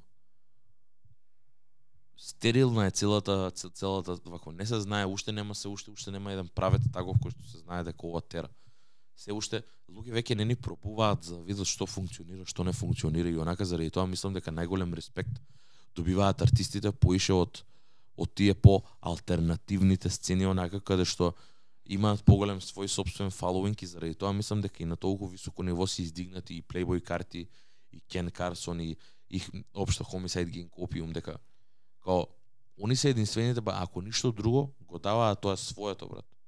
Да, добро. Ова можеш да кажеш на Offset дека е неговото брат, као Не, неговото е, ама неговото е проедено од многу одамна, брат. тоа е. Е многу лоша верзија од неговото, ме Да, разбираш. па тоа сакам да кажам. Одамна ги има Offset изгубено магичниот тач, брат. Одамна, од многу Плюс, одамна. Да, плюс да не збориме дека мене лично искрено ми е најлошиот Мигосот Најслаб сега Миго, да. најслаб, да.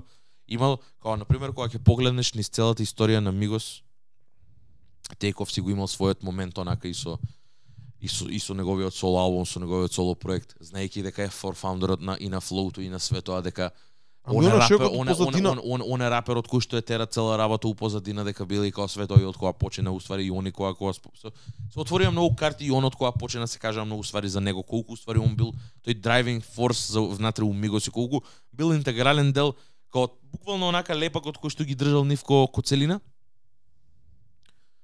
Quavo, знаеме Quavo како Фран имаше со онака со со реф со тие референи легендарни онака што ден денес реално да пуштиш дека Да. луѓе уште ги ги пеат.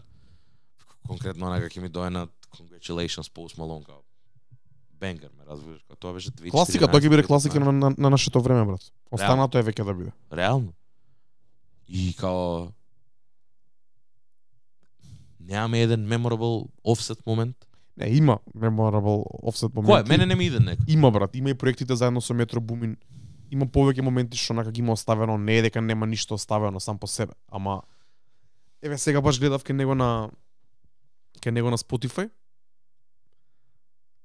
Without Warning, проектот кој е заедно со Мену Севич и Метро Бумин остана за тоа време еден од најдобрите проекти кои излегоа тогаш. Добро. Ја у тоа време, ја у тоа време стварно имав некаков про- протест за такви проекти и, и тој и тој со Тревис Да, ама тоа мислам дека не беше, а, може би беше Quavo. Quavo е тоа? Quavo со- Джек, Ханчо Джек. Ханчо да. Джек, да, тоа е Quavo, сори зи. Ама до- добро, пак ги ставам у иста клапа дека тие тие тогаш тие проекти не ги слушав која искочија. И може би заради тоа и не ми се не ми се толку и мене битни. И ама сваќам дека има луѓе кои што а, ги слушаат многу. Добро, ре, ре, реално Ric Flair Drip од е од Да. таму. Ама на пример еве Father of Four брат, као На тој албум не се сеќавав ни јас. брат, само J Cole фичерот го знам брат. Толку. Јас не, не се сеќавав Не, на мислам, тоа.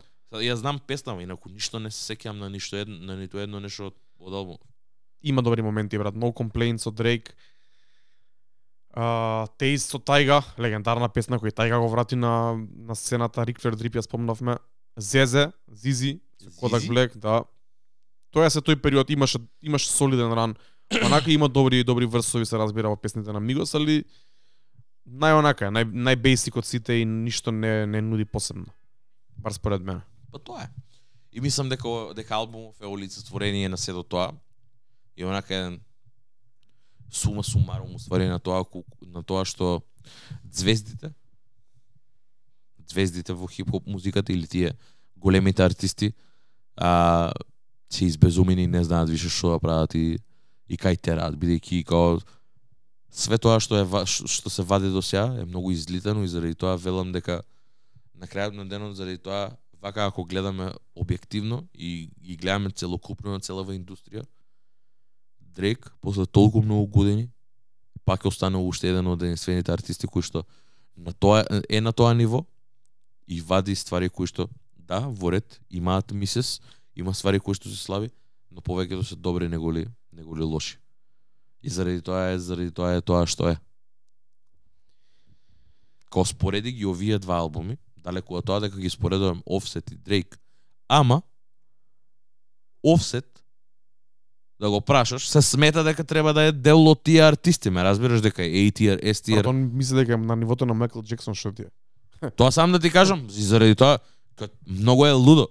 Многу е лудо. Ја на Дрейко му го зимам тоа лошо што што што што ти ги прави зима, ти ги зима тие споредби цело време со Майкл Джексон, ама Дрейк има зошто.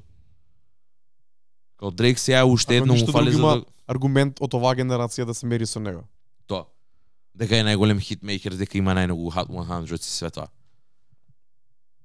Што има офсет од тоа, ме разбираш, кој е, кој е поврзаното со Майкл Джексон за ти да носиш фитови од Майкл Джексон, која која вакво и која све high fashion, све онака како најмалци изгледаат више рапери, онака ме разбираш како кога ќе погледам на офсет сега како изгледа најмалци ми изгледа како рапер. Многу чудни ми, многу ми е чудно тоа. Не велам да се носат у широки панталони и джинко джинс да носат дека далеко од тоа, ама многу ми е далечно од све тоа што ми репрезентира хип-хоп, ме разбираш, а прават хип-хоп музика.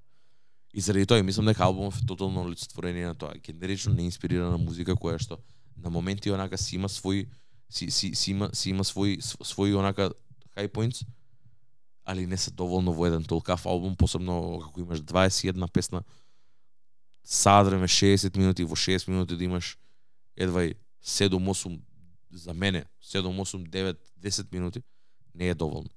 Заедно споедно со Дарко имаме една третина од албумот која ништо се свиѓа онака. Да, брат, знаеш, пак ќе ти кажам, може би тоа ти се свига на албумот, ама ти само по себе таа песна да земеш и да ја слушаш, не, не ми се верува дека ќе пуштиш да ја слушаш, брат. Тоа само да ти кажам, пошто имам многу поквалитетни ствари што ги слушам на дневна база, за за душата да ми бара офсет да слушам, ме разбираш. Кога ќе го слушам целиот албум, да кидам кај тие траки, пошто се знам дека се Да. најдобрите. Првиот пат кога сум го чул и единствениот, ми ми оставиле најголем впечаток и заради тоа кидам кај нив. Инаку нема шанси вака да си пуштам сега да идам да ми скажам офсет да ги пуштам. Не се дешава брат. И тоа е многу добро. Тоа тоест, тоа е многу лошо. Многу добро е за Brand Fias, дека сега ќе идам и ќе го пуштам албум и тоа го имам направено преку многу пати го имам направено неделава. Исто и јас. И еден од ретките албуми, не памтам кога пос, последен пат вака сум вртел албум. Тоа е тоа е уствари доб, тоа е доброто и тоа е разликата помеѓу тие два албуми. Заради тоа сакавме да ги спомнеме. Не е дека ми се збореше за офсет и не е дека чувствувам притисок да дека треба да зборам за офсет, никој не го нема спомнат албумов, ниту кај нас на Дискорд, ниту некој дискашен вака што имам читано на интернет, као никој. Албумов доаѓа и проаѓа. Абе да брат, ама гледаш дека дека пробуваат да го бутнат преку издавачките куќи, пробуваат да ни го бутнат in the throat онака да ни го стават се. Као, е, преку Инстаграм и преку преку Spotify ти го дава у релиси со она стои мене цело време брат. Може би тебе не ти стои, а мене ми стои. И мене мене ми стои цело време. Они пробуваат да го направат тоа, ама нема нема допир со со реалноста веќе. Издавачките Да. куки и они како рапери и неговите екипи немаат допир со тоа што луѓето слушаат. Не е дека ја ти сме репрезент на тоа што се случува во Америка или што се случува во светот, Да, ама јас сам а, себе си се гледам како а, како се сега тоа брат, би сакал да чујам нешто нешто ново, да видам што се дешава. Онака не е дека можеби сум најголем фан на Offset, ама ако има некој квалитетен албум би го пуштал да го преслушам, така? Нормално. Плюс да не збориме дека си диџеј и дека Тоа. у цело време си употребува Треба да нова има музика, музика за мене. што Има има синглови на DJ City, има вакви ремикси, такви ремикси. Така. Лейбелот пробува да го бутне. Едноставно не резонира со публиката. Не резонира со нас, како малце постари, како луѓе што се дел од таа сцена полого време, а уште помалце резонира со младите кои се сега 18-20 годишни кои треба да се најголемите фанови на оваа музика. И токму поради тоа може би ги спомнати Хит Кен Карсон, Playboy Картишта на времето се разбира. Они се поблиски до таа помлада публика и затоа изгледа дека имаат толку голема фан база бидејќи реално имаат голема млада фан база. Ама тоа е другата крајност од ова. Ова е више рапер во години на завис на својата кариера кај што пробува да извади нешто што не звучи воопшто свежи, што звучи као на старото од него. Знам дека вакви моменти се сеќавам имаше и Snoop Dogg своевремено. Имаше дури нас во својата кариера. И мал нас, ја не сум слушал тоа што толку. Така. Ама као, може би не толку лоши, ама има моменти кај што рапериве треба, ова треба да е последното нешто што ќе го извади, не ни треба више нова музика од него. Така? Па не, не, дефинитивно да. Освен ако нема некој епифани да почне да прави не музика може да прави, што. Нема да ги има моментот на Рик Рос или на Chainz кај што ќе стане ќе го преде другото ниво, ќе скокне скалата, брат. Не ми се верува дека Offset може да го направи тоа. Ја не би рекол брат, мене мене конкретно тие Two Chainz и Rick Ross За многу брзо, многу брзо ми се освестија некако како на пример За тоа го за тоа ги спомнав. као Two Chainz имаше еден албум и после тоа реши као не брат и као дури дури и True Religion е као албумиште, ме разбираш, дури у тоа време човеков знаеше своевремено дека тоа нема да биде тоа и многу некако на бразина Брат, уште на албумот Pretty Girls Love Trap Music. е тоа го Таму го имаше и embrace трап, имаше и Да. трап, имаше и више е, она е, не ми иде денеска. Као бле- блесоци од тоа што од тоа што следува, први моменти од нешто ново. Добивме Да. онака сенс кај киде понатака. Тоа, тоа, тоа, тоа, тоа.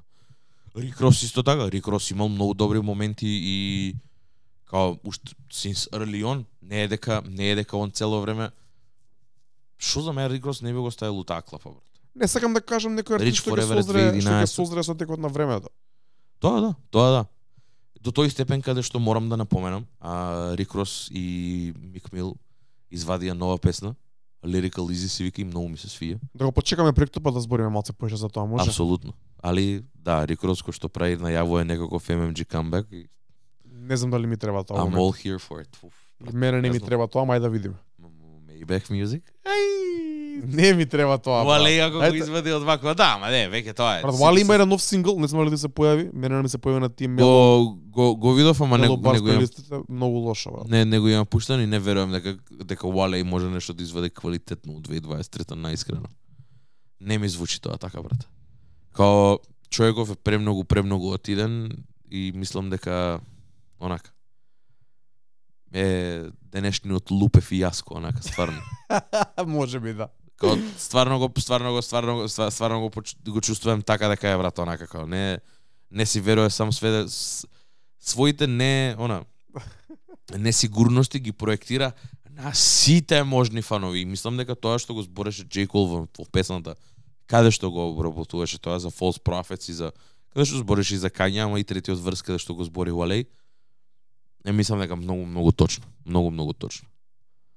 И тоа е, ќе видиме како ќе звучи, ама песната мене ми се свиеше она First Off, ми, ми се свиеше стварно има таа стара енергија и има имаат успеано да да да ја дофата таа стара нивна енергија она тој тој back and forth и као и Мик Мил како рапо и Рик Рос како фе на би- битот сам како како како звучи све тоа.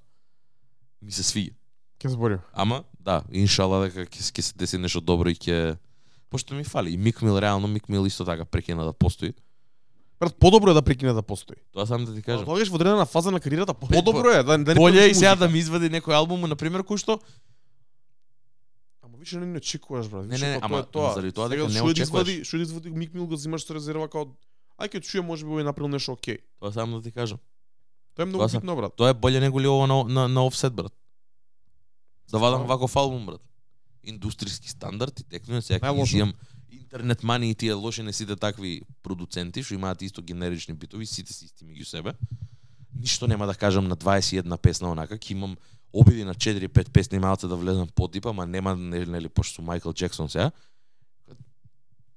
Не резонира тоа со луѓе, брат. Они не можат уште да најдат што резонира со луѓе, а се 10 плюс 10 години у својата кариера. Не, не, тоа се менува.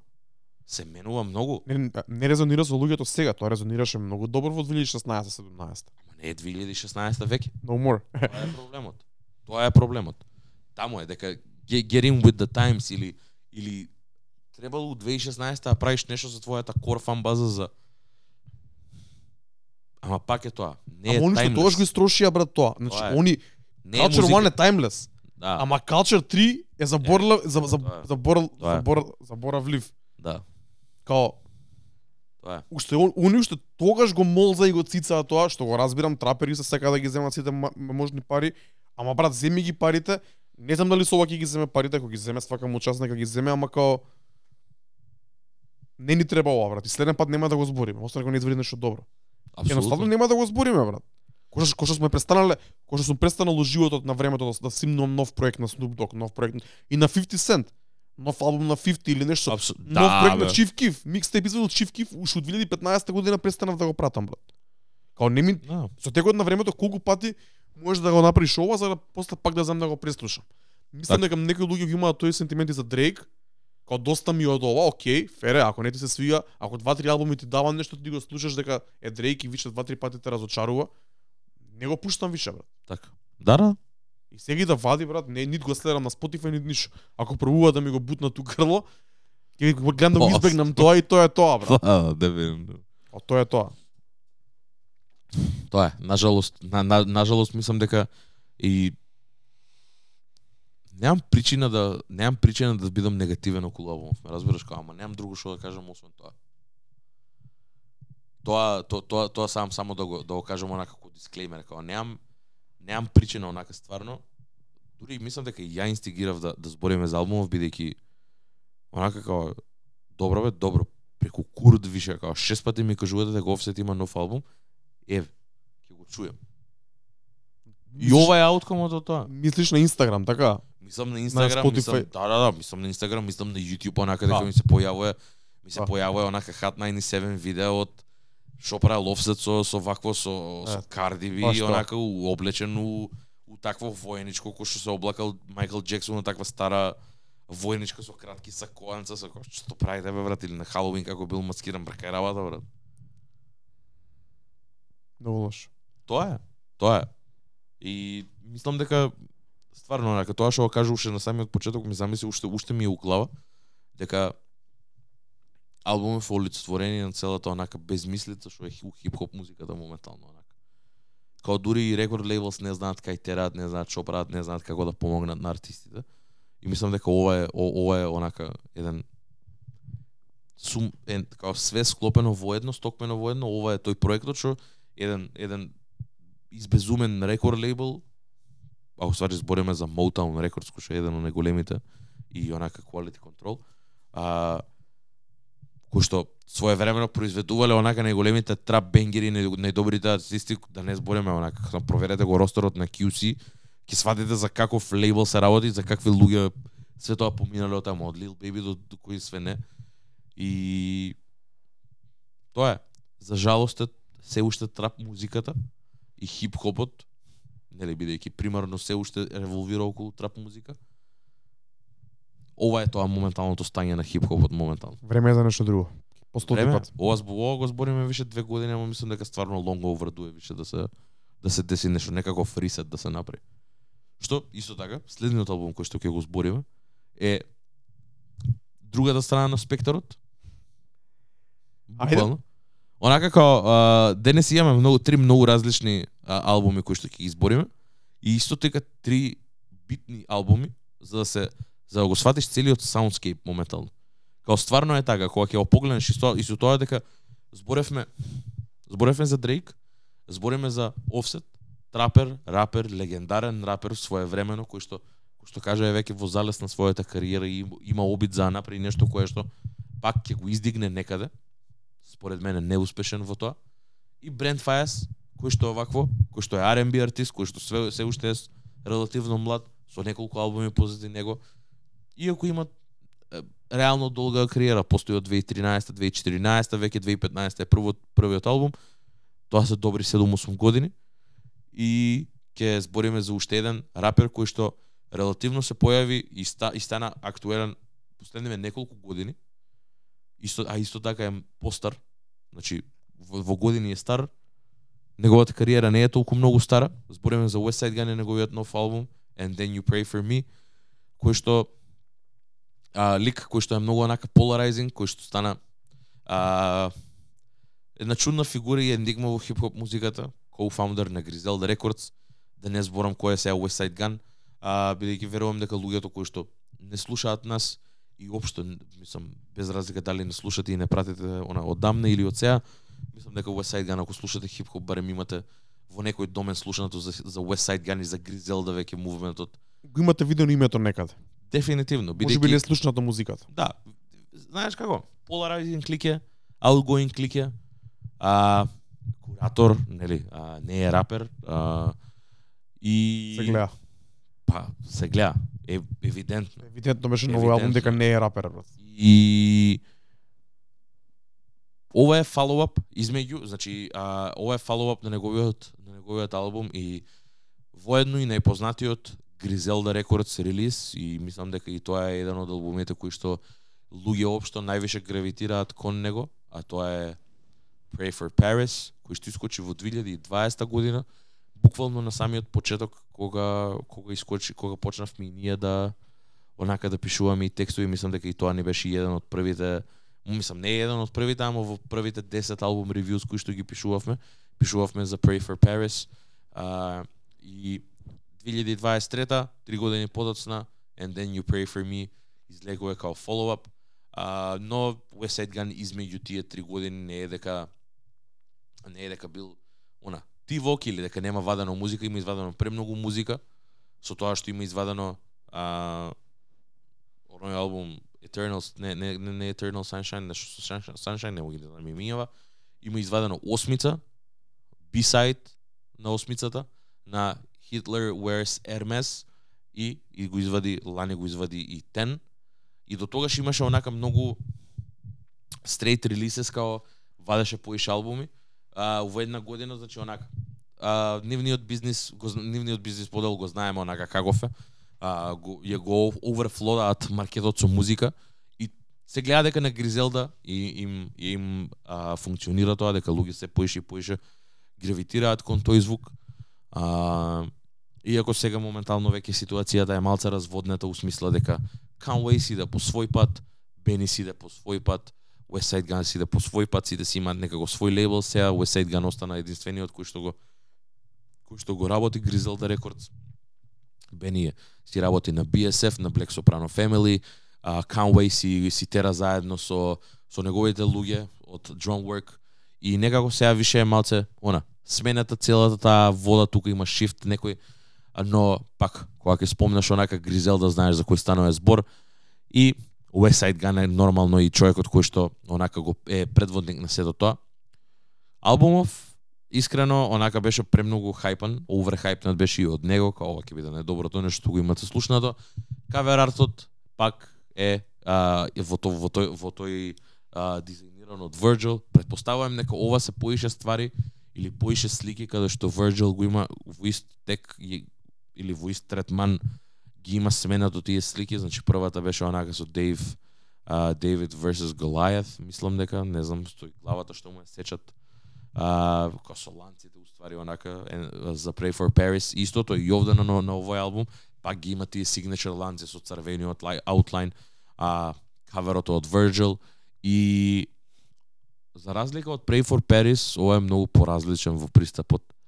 А, бидејќи кој што кажав, Pray for Paris е еден од албумот, ал, албумите кои што кога ќе кога ќе спомнеш за Гризелда, мислам дека тој прв ти доаѓа на ум бидејќи е нај беше нај нај нај најисклесан добро. Као ако е камен, беше најдобро исклесан од сите, најрафиниран, онака направено све да биде цаком паком кој што треба. А, и не знам, мислам дека онака буквално една третина од албумот фали више на Spotify. Као многу траки се тргнате од таму, не знам зошто, мислам дека само заради sample clearances Сигурно. и не можете да го чуете во целост на Spotify. А, мислам дека две или три траки фалат од таму. А, меѓу кои една вчера дознав дека е тоа Versace која што се се вика Versace од Jay Versace, фали на албумот, не можеш да ја најдеш на Spotify. И сега добиваме follow-up на тој албум. Значи беше што беше тоа тие 3-4 албуми кои што ги извади измеѓу. И сега добиваме као follow-up на тој. Кој хајпаше дека ова ќе биде албум of the year, ова ќе ова ќе е најдоброто нешто дека ова е последниот албум кој што го вадам и се пензионирам после ова. И ја не знам како се осеќам за тоа брат. Се поише и поише како проаѓа време, мислам, секогаш она а, кој ти е фаворитот од Гризелда кога ќе те прашаат, секогаш имаш нема нема грешка одговор. Ама некако се чувствувам дека секаде грешка одговор кога ќе каже ако некој каже West Side Gun. А, и ова мислам дека само тоа ми го потврдува како да навлеземе во албумов и ќе да прашам тебе како дека, дека знам дека и не вакво ама кои ти беа првите првите импресии онака кога го пушти албумот брат уопште што што чувствуваше кога го пушти албумот бидејќи за разлика од сите од сите претходни албуми овој е малце поинаков заради тоа онака ми беше интересно Дарко како ќе Дарко како ќе го удри овој албум бидејќи овде има а, поише трап продукција го има DJ драма ги има Trapaholics кој што прави исто така легендарни микстейпови своевремено DJ Holiday кој што има поише онака микстејп DJs а, и знам дека има поише и трап битови а, поише features кои што се на трап битови, значи го има Рик Рос, го има JD, го има Дензел Кури. А, и сакав онака чисто ми беше многу интересно онака Дарко како завчера да се правиме муавет.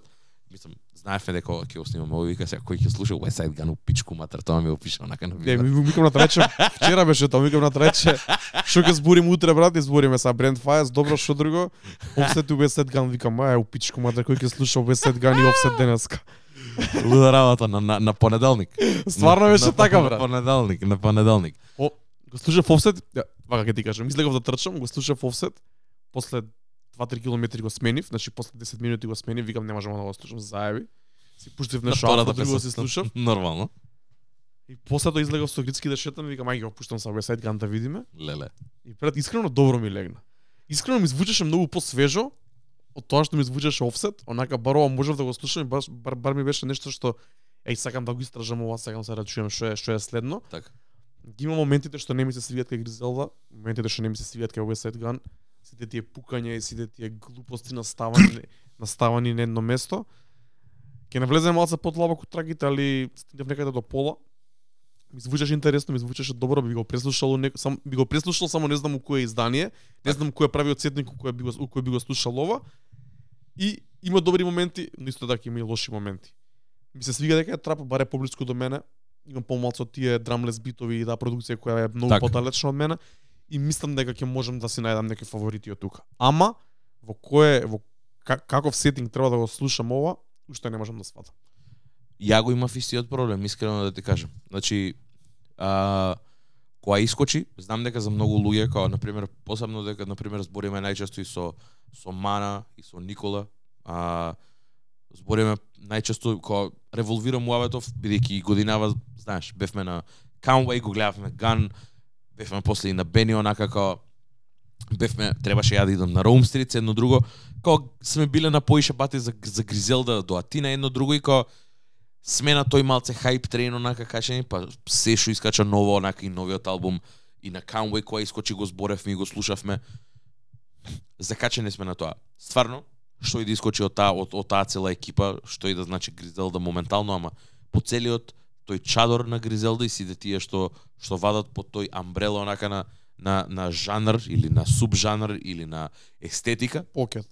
тој покет во музиката, го пратам и го слушам и онака најчесто со, со нив двајца највише зборам и они беа пре, превозбудени, во смисло возбудени за албумот дека моментот кога иско, кога искочи албумот го пуштија. Ја некако бев со резерва, си реков окей, као не ми е тоа не ми е приоритет сега да го пуштам бидејќи имаше други ствари тековни кои што си ги слушав и кои што си уживав во нив и не ми беше нешто премногу и онака како а, читав некои ствари, видов, гледав некои ствари за West Side Gun, видов дека за разлика барем за разлика на пример од од, од Offset сам си го турка својот албум. На начин на кој што има многу сериозен а, media run. Се појави на секој можен подкаст, на секој можен радио шоу, на секаде да отиде брат. На секаде да отиде. А, као дури до тој степен да иде кај Зейн Лов у Apple Music, да иде кај Джо Баден, да иде кај Мет Хофа, да иде кај луѓе кои што се се длабоко tapped into the culture и луѓе кои што онака се поише за она. Ајде за погенералната публика би рекол као Apple Music не верувам дека онака луѓе кои што се ептен ептен за културата го слушаат тоа. Ама ќе има луѓе кои што ќе најдат нешто добро во овакво. И сватив дека не е за разлика од мене искрено не ми е добар follow-up, ако веќе го зијаме за follow-up на Pray for Paris, не ми е добар follow-up на Pray for Paris. И не е заради трап битовите, не е заради тоа дека продукцијата не е таква. Продукцијата ми се свиѓа, ама не ми се свиѓа пристапот кон неа. Текстовите во неа и West Side Gun. West Side Gun, за разлика од Pray for Paris и сега, овде е многу помалце присутен. Иако е присутен, не кажува ништо. Скоро од 90% од времето се а, з, а, она с, зборам за а, дека носам unreleased Amiri jeans, као носам unreleased Prada, идам у Исто така, главната Слушај се, че, че. And then you pray for me, тоа го кажа сега брат последно. Е вика целиот албум е инспириран од Paris Fashion Week. Што збориш бе брат? Збориш за белу пола вакво бе брат, збориш за Ку, за, за кое кување збориш на Paris Fashion Week, бе, брат? Као одлучи се за што зборите, ме разбираш? Не можеш ти цел албум да посветиш на на Paris Fashion Week, дека тоа сето револвира околу и као Сега Сваќам- имаш и White. сваќам дека продавав прича, сваќам дека као тоа е тој тој лакшери кој што и онака и он си има стајна позиција да да ја прави музиката што ја прави да биде на ниво и облечен и да биде исто облечен и да, да ги има истите ланци кои што ги имаат офсет и сите овие кои што да се нели ете би рекле големите сега моментално во хип-хопот кои што имаат највише пари и све тоа. И го сваќам тој апил али не ми е тоа тоа брат и заради тоа на пример за многу кор фанови луѓе многу го критикуваат албумот дека се гледа дека West Side Gun као не пробува ама е, мислам не сака ама со овој албум пробува да се од, оддалечи од од тоа што не да се оддалечи ама едноставно да покаже некоја друга страна на на тоа што на, на неговиот звук. И мислам дека не е најдобриот обид за тоа. Као збориме да, го има DJ драма, и има Trapaholics. Ама тоа се се секаде толку толку е многу хаотично што дури Trapaholics Mixtape знаев знаеме дека се хаотични и дека се недовршени и дека завршуваат чудно. Ама ова е уште толку потаму брат однесено. Ама чекај малце брат, сега ако сакаме да го направиме у формат на микстейп, треба да има еден хост најверојатно на микстейпот. Да, овде има три. DJ, да, овде имаш DJ Holiday, Trapaholics, што може би е слично и DJ Drama. Онака као и тоа не се појавуваат на секоја песна да биде Да. како интро или како како што беше на на, на Tyler the Creator на пример хостирано DJ Drama, каде што беше пропер склопен како како микстейп. Тоа ќе кажав. Call Me If You Get Lost е боле албум кој што наликува на микстейп од 2000-ти, него ли ова? Не, тој е албум Овде? со со, со, со микстейп хостирање на него, а ова е ова Е. звучи на микстейп дека е прљаво. Е така. Дека е Прљаво грозно, е. ама нема тек нема тек на микстейп и тие Има никаква смисла. И сите тие микстейп дропови се многу спорадични, са као чекај за кој го хостира ова, шо е ова. Знаеш како е? Знаеш како што значи ова? Знаеш како звучи ова брат?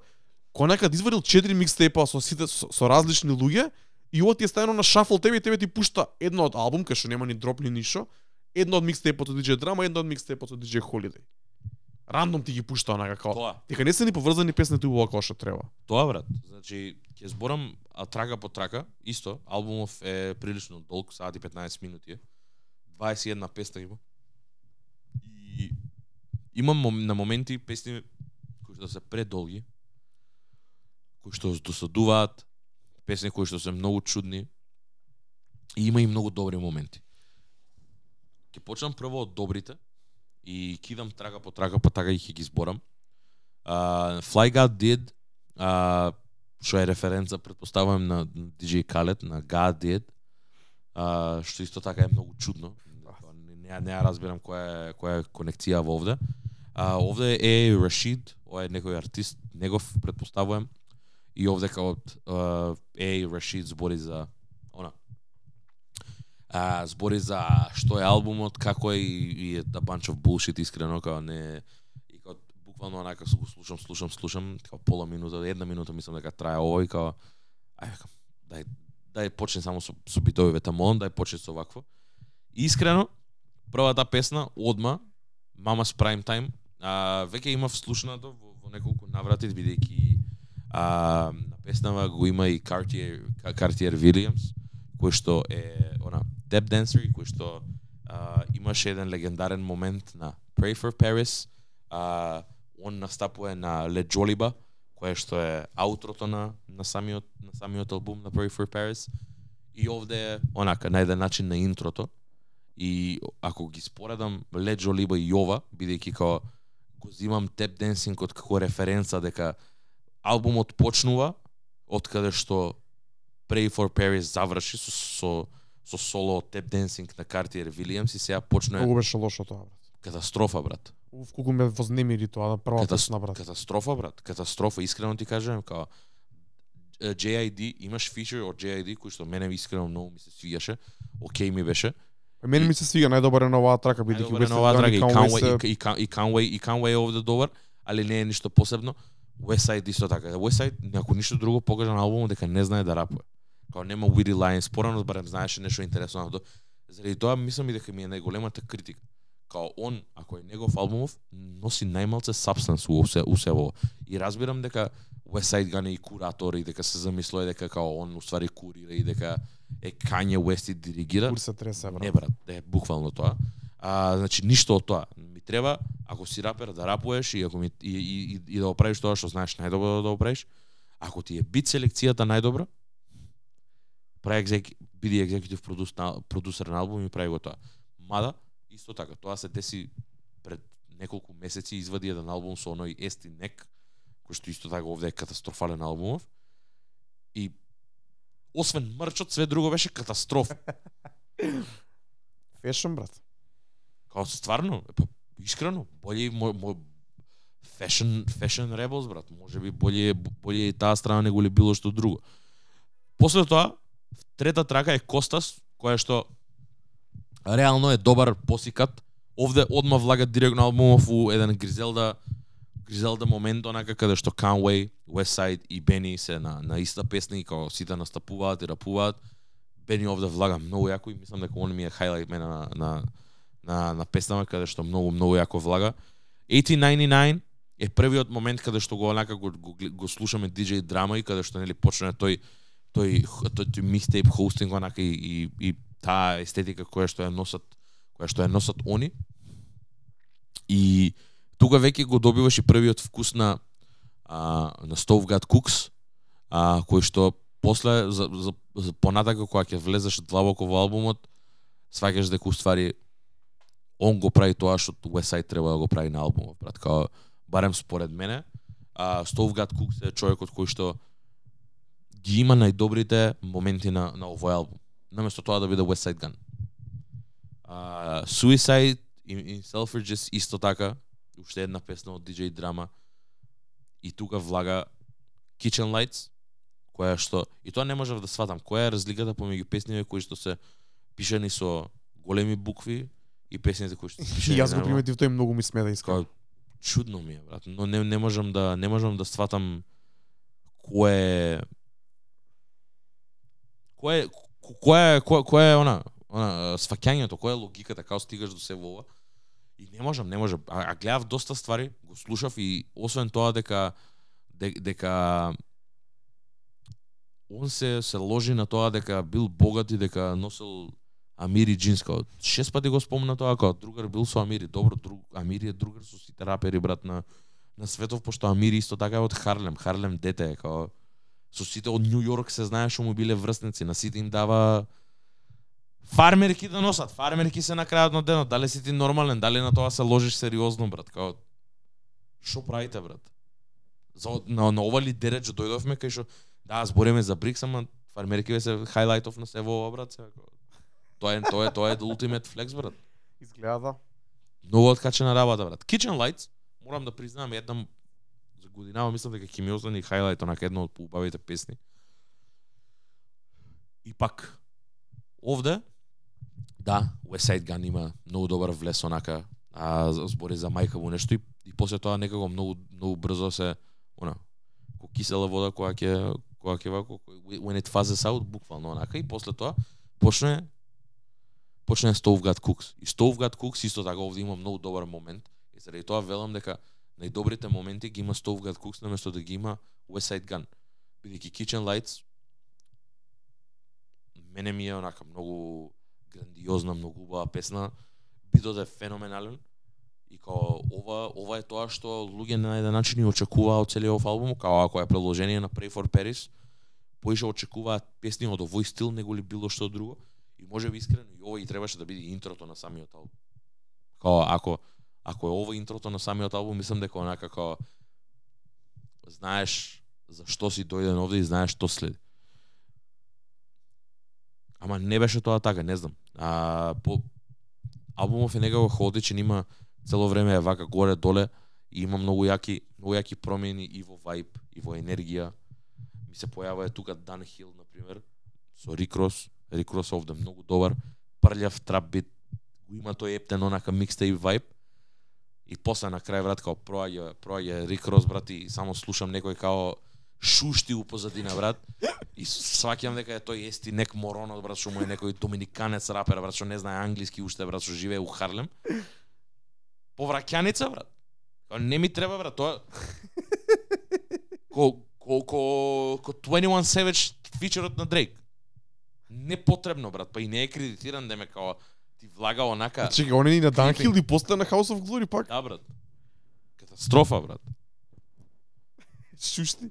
Шушти, брат, нешто прави у позадина, не можеш ни збор да го сватиш, брат, као нема нема нема нема нема нема смисла тоа што се дешава, брат, као непотребно е и тоа ти викам, тука продо Естинек најлош, најубедливо најлоши моменти и House of Glory исто така, многу добра песна, пак Stove Good Cooks е Stove God Cooks е еден од хайлайтите на на песнава. JD Wrist убава песна, пак Stove God Cooks е човеков што што ја води. Е сега, овде, овде кога видов стигнав овде и ова, ова го чекав многу брат. West Side Gun и Gigs видов дека имаат трака и си викам, окей, ова може да функционира многу добро. Знаеки, знаеки го, а, знаеки ја песната која што извади на DJ Drama, а, албумот, каде што беше Rick Ross на трап бит, си викам ова може да функционира добро. Гикс исто таков, за Гикс треба некој опасен бит. West Side Gun, ете, куратор е едно друго, може да најде, сигурно не залепи, брат. Не ти залепи? Не ми залепи кој што треба, брат. Не ми Гикс не ми е за на овој бит и не ми залепи кој што треба, брат. А на на папи, на на на на, на, на лист West Side Gun и Гикс у мојата глава функционира многу добро. Да. Песнава не ми залепи така како што требаше. Не е добар, не е добар битот, не е добар пласманот. West Side Gun е чуден. Гикс е уште толку почуден онака како А на, а на лист требаше да ми биде многу добро. У глава го имав замислено дека ќе е хайлайт на албумов, ама не беше така. Ја брат до, до тука стигнав, не сум фан на, на West Side Gun и затоа и тука ми е многу чуден и тука си реков како многу е многу слаб рапер. Знаев дека е многу слаб рапер и јако има хајп од луѓето околу мене на пример кod тебе и луѓето на нет што мислат дека слушаат некој алтернативен хип-хоп и го вреднуваат на толку високо ниво. Оваа песна беше последната шанса, кај 11-та песна викам нема шанси, тоа е тоа. Гикс ми извади песната и после тоа го изгаси фалмон, викам заеби брат. Тоа Не го слушам ова, не го трошам времето, сум пробал поише пати да слушам West Side Gun не е за мене и мислам дека не е квалитетен рапер. Па. А, види, квалитет е многу интересен, вако не знам ова дали е квалитетно искрено. Мене мене ми се свиѓа. А, мама ми се свиѓаат многу одредени специфични делови каде што дури до моменти не можам да ги извадам брат. Као дури на пример песна на Рик Рос ми се свиѓа, ама што правиме сега со Естинек позаде брат. Помина времето кога има време да правам abridged versions брат да седнам и ја да го исачам тој дел кај што не ми се свиѓа на пример кој што има верзија направена од контрол каде што го има втргнато врсот на на Big Sean, ме разбираш? Само Кендрик и Джей Електроника ги има оставено. Немам време, брат, имам 20 сумкови, немам време тоа да го правам, брат.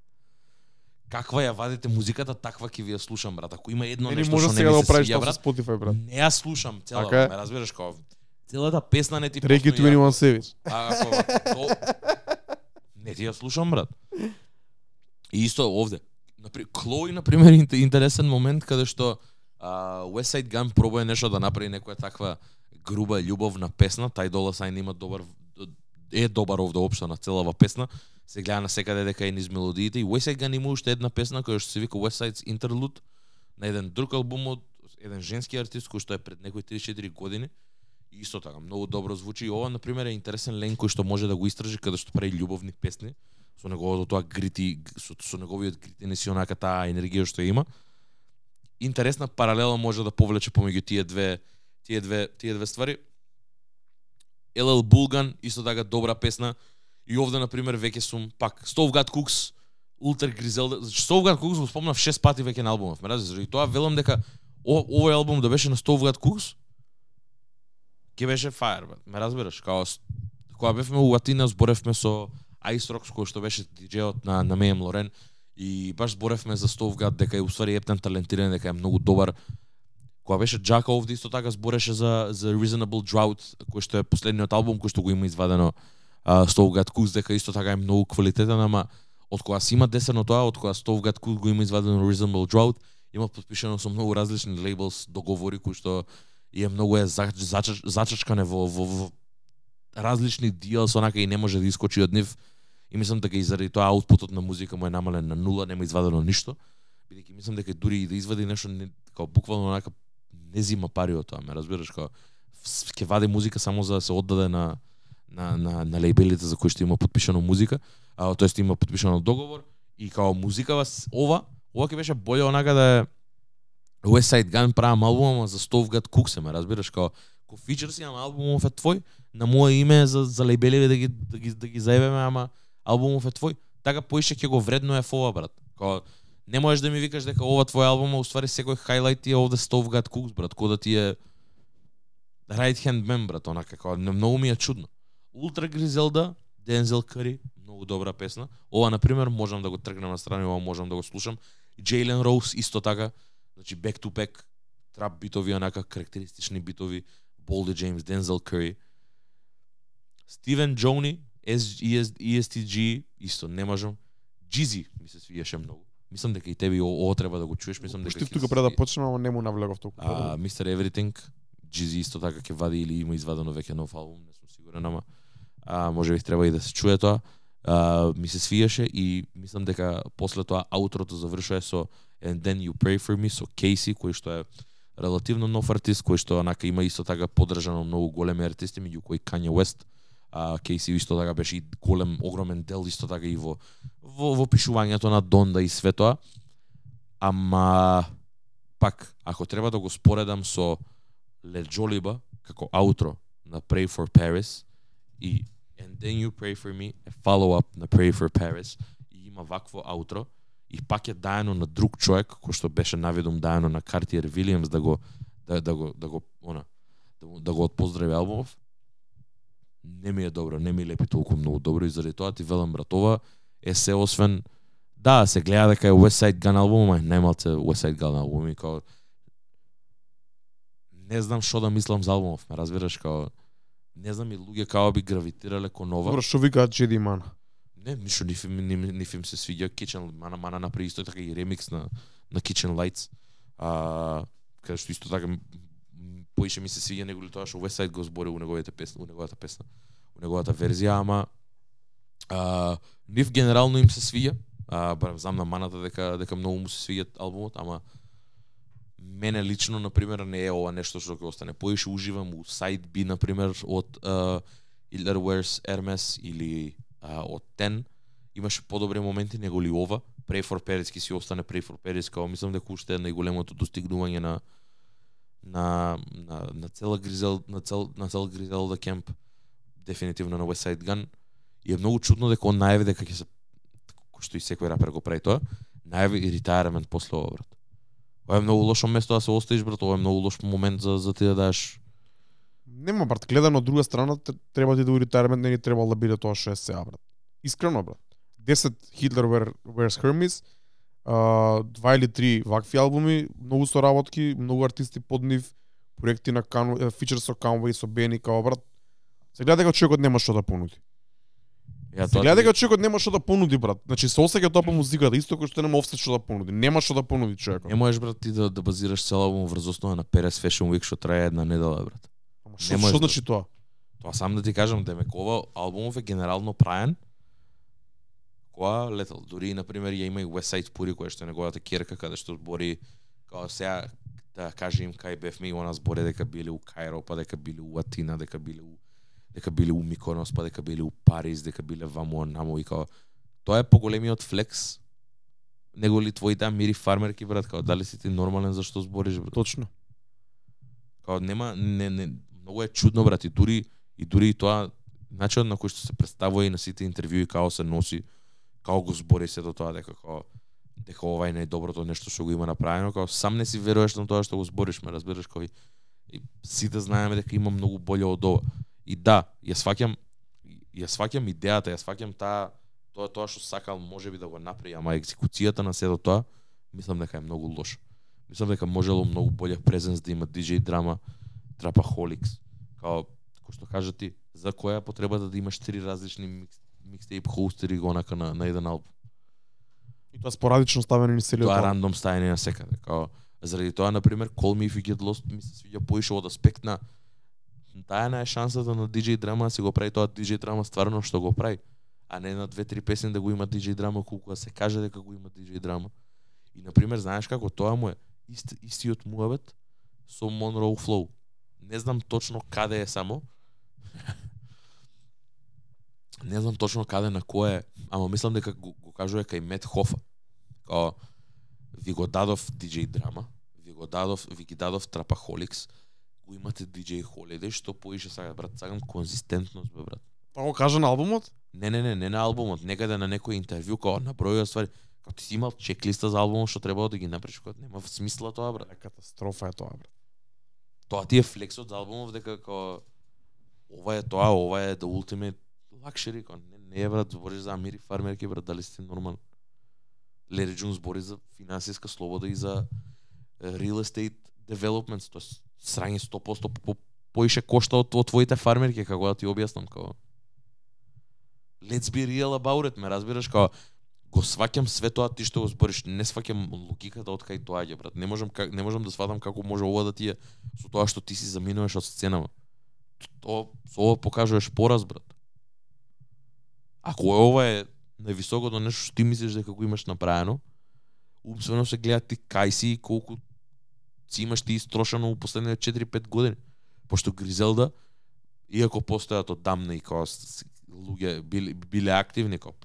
на West Side Gun првиот албум од 2007 или 2004 година, ама стануваат познати од 2015 па навак И еве сега единственото нешто као јако соло артист веќе не вадам, ова е мојот retirement, ова е последниот албум што ќе го вадам и на фановите им го должиме What Would Shin Gun Do двојката. Као кезот искочи не знам која, мислам дека 2018 2019 тој што е со со тој крекхедот од од, од Бафало таа Клои или како и да се викаше господјата што почина.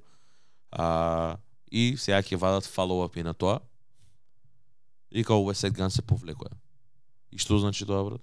Дека ова ти е тестамент, као нема, нема, мене, мене, ми, нема, мене ми нема смисла тоа што го прави заради тоа. Албумов не е за мене, имам пет пати боле, боле ствари кои што можам да ги слушам.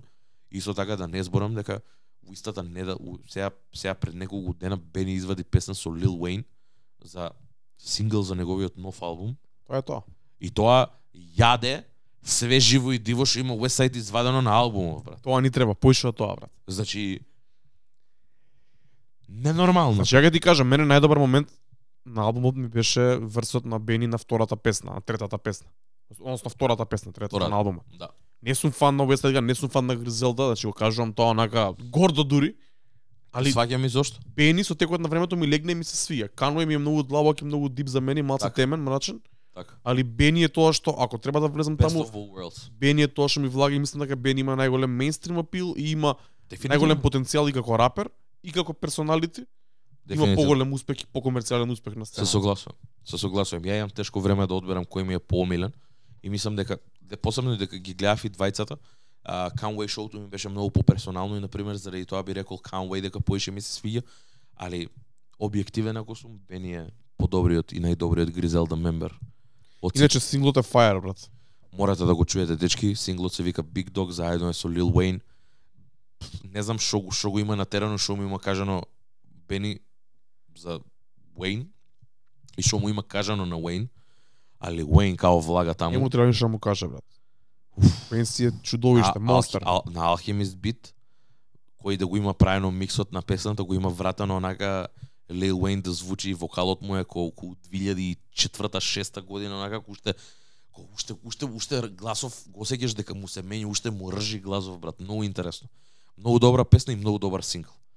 Искрено, а таа мислам дека таа и Brand Fire се она две ствари, као Brand Fire с албумот Larger Than Life и Big Dog се ствари кои што ги вртам овие неколку денови онака пред епизода.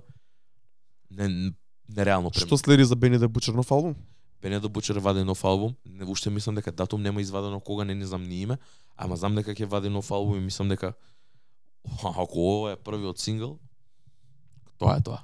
Слично како со. Cole што беше. Па да, реално тоа, да. таа реакција, таа реакција Па имаше таа реакција, не, не, брат. бар видов го нема, по- го нема, го нема тој, го нема што ефект кај што пак J. Cole е J. Cole, J. Cole иде на друга генерација на луѓе. Ама пак, Али Wayne со таков спот, со таков фит, таков фичер, таков верс, значи погодено Ептен 10 од многу, 10. многу, многу погодено. Многу погодено и мислам дека тоа ми е онака а, Big Dog ми е боле него ли целиот And Then for Pray And Then You Pray For Me албум онака, ко целост.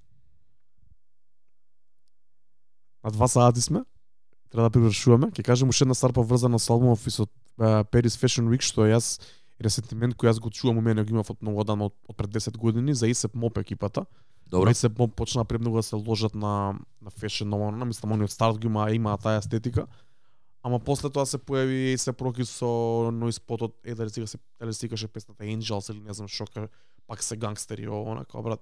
Одлучи се што сакаш да бидеш. Сега, правиме Брикс или си Paris Fashion Week. Има работи што може да си двете, брат. Ти може да си кошаркари да си Paris Fashion Week. Може да си рапери да си Paris Fashion Week, ама не може да си drug dealer или Dope boy. или да. cook. Да, да. We cooking in the kitchen, under the kitchen lights, али на албумот е направен за Paris Fashion Week. Брат, не иде тоа така, таа стан нека се шмрка кокаин на Paris Fashion Week, ама збориме за други работи. Луѓе да го шмрга, него не збориме него за збориме за други работи. Две крајности што не можеш да ги поврзаш помеѓу себе. Као не е окей, најди, најди си го лейнот, боле да раскажува скапи приказни, ако сака да иде у таа насока, ама тоаш не треба да има више брикс. Исто тоа важи за пушати, брат. Тоа е моја, знаеш како се сеќам за пушати.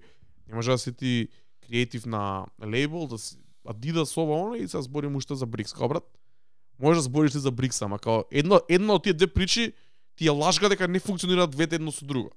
Не си ти 9 to 5 у Adidas и после втора смена, тр- трета смена идеш и готвиш брикс, брат. Не иде тоа така. Фер? Не иде тоа така, брат. Фер. Да не збориме Paris Fashion Week и сите тие брендови што не ни ги знам што ги набројува West Side Gun. Не постоеше мири фармерица, брат? Не се поклапаат тие работи. Не знам, брат. Не сум на тоа ниво кој West Side Gun да носам тоа, брат. Тоа е, брат. Јеби. Не знае, не знаеме ние за тоа, ме разбираш, не големиот хајп е тоа, брат. Јебе га брат. Тоа е, за подобро или за полошо, мислам дека добивме, онака изборевме, изборевме за три албуми кои што а, го општо го опфаќаат добар дел од саундскейпот за хип-хопот во каква или културата во, во, во каква состојба е. Бидејќи ги имаш сите тие три крајности онака го имаш нели тоа нај она најозборуваното од Гризелда и целиот тој правец и тој покет. Го имаме онака тој мејнстримот во, во офсет подобро или за полошо. И исто така го имаш малце поалтернативното од Brandfire Surprise релиз R&B звезда која што онака. А доаѓа од албум кој што а, помеѓу неговите Кора не беше нај, најбаш приватен кој албумот кој, што- кој што кој што го сака и го добиваат албумот сега кој што го заслужуваат така да ова се ова се три добри албуми кои ќе се надоврзаш со Дрейк кој што е дефинитивно најголемиот артист на светов моментално и кој што исто така извади албум во во овој период као ја, ми- ја, ја само ова ќе кажам дека не можеме да се пожалиме дека немаме музика за моментално во моментов за слушање. За подобро или за полошо имаш од тие сите ствари да си одбереш нешто и мислам дека ќе можеш да направиш да склопиш онака за овие два месеци.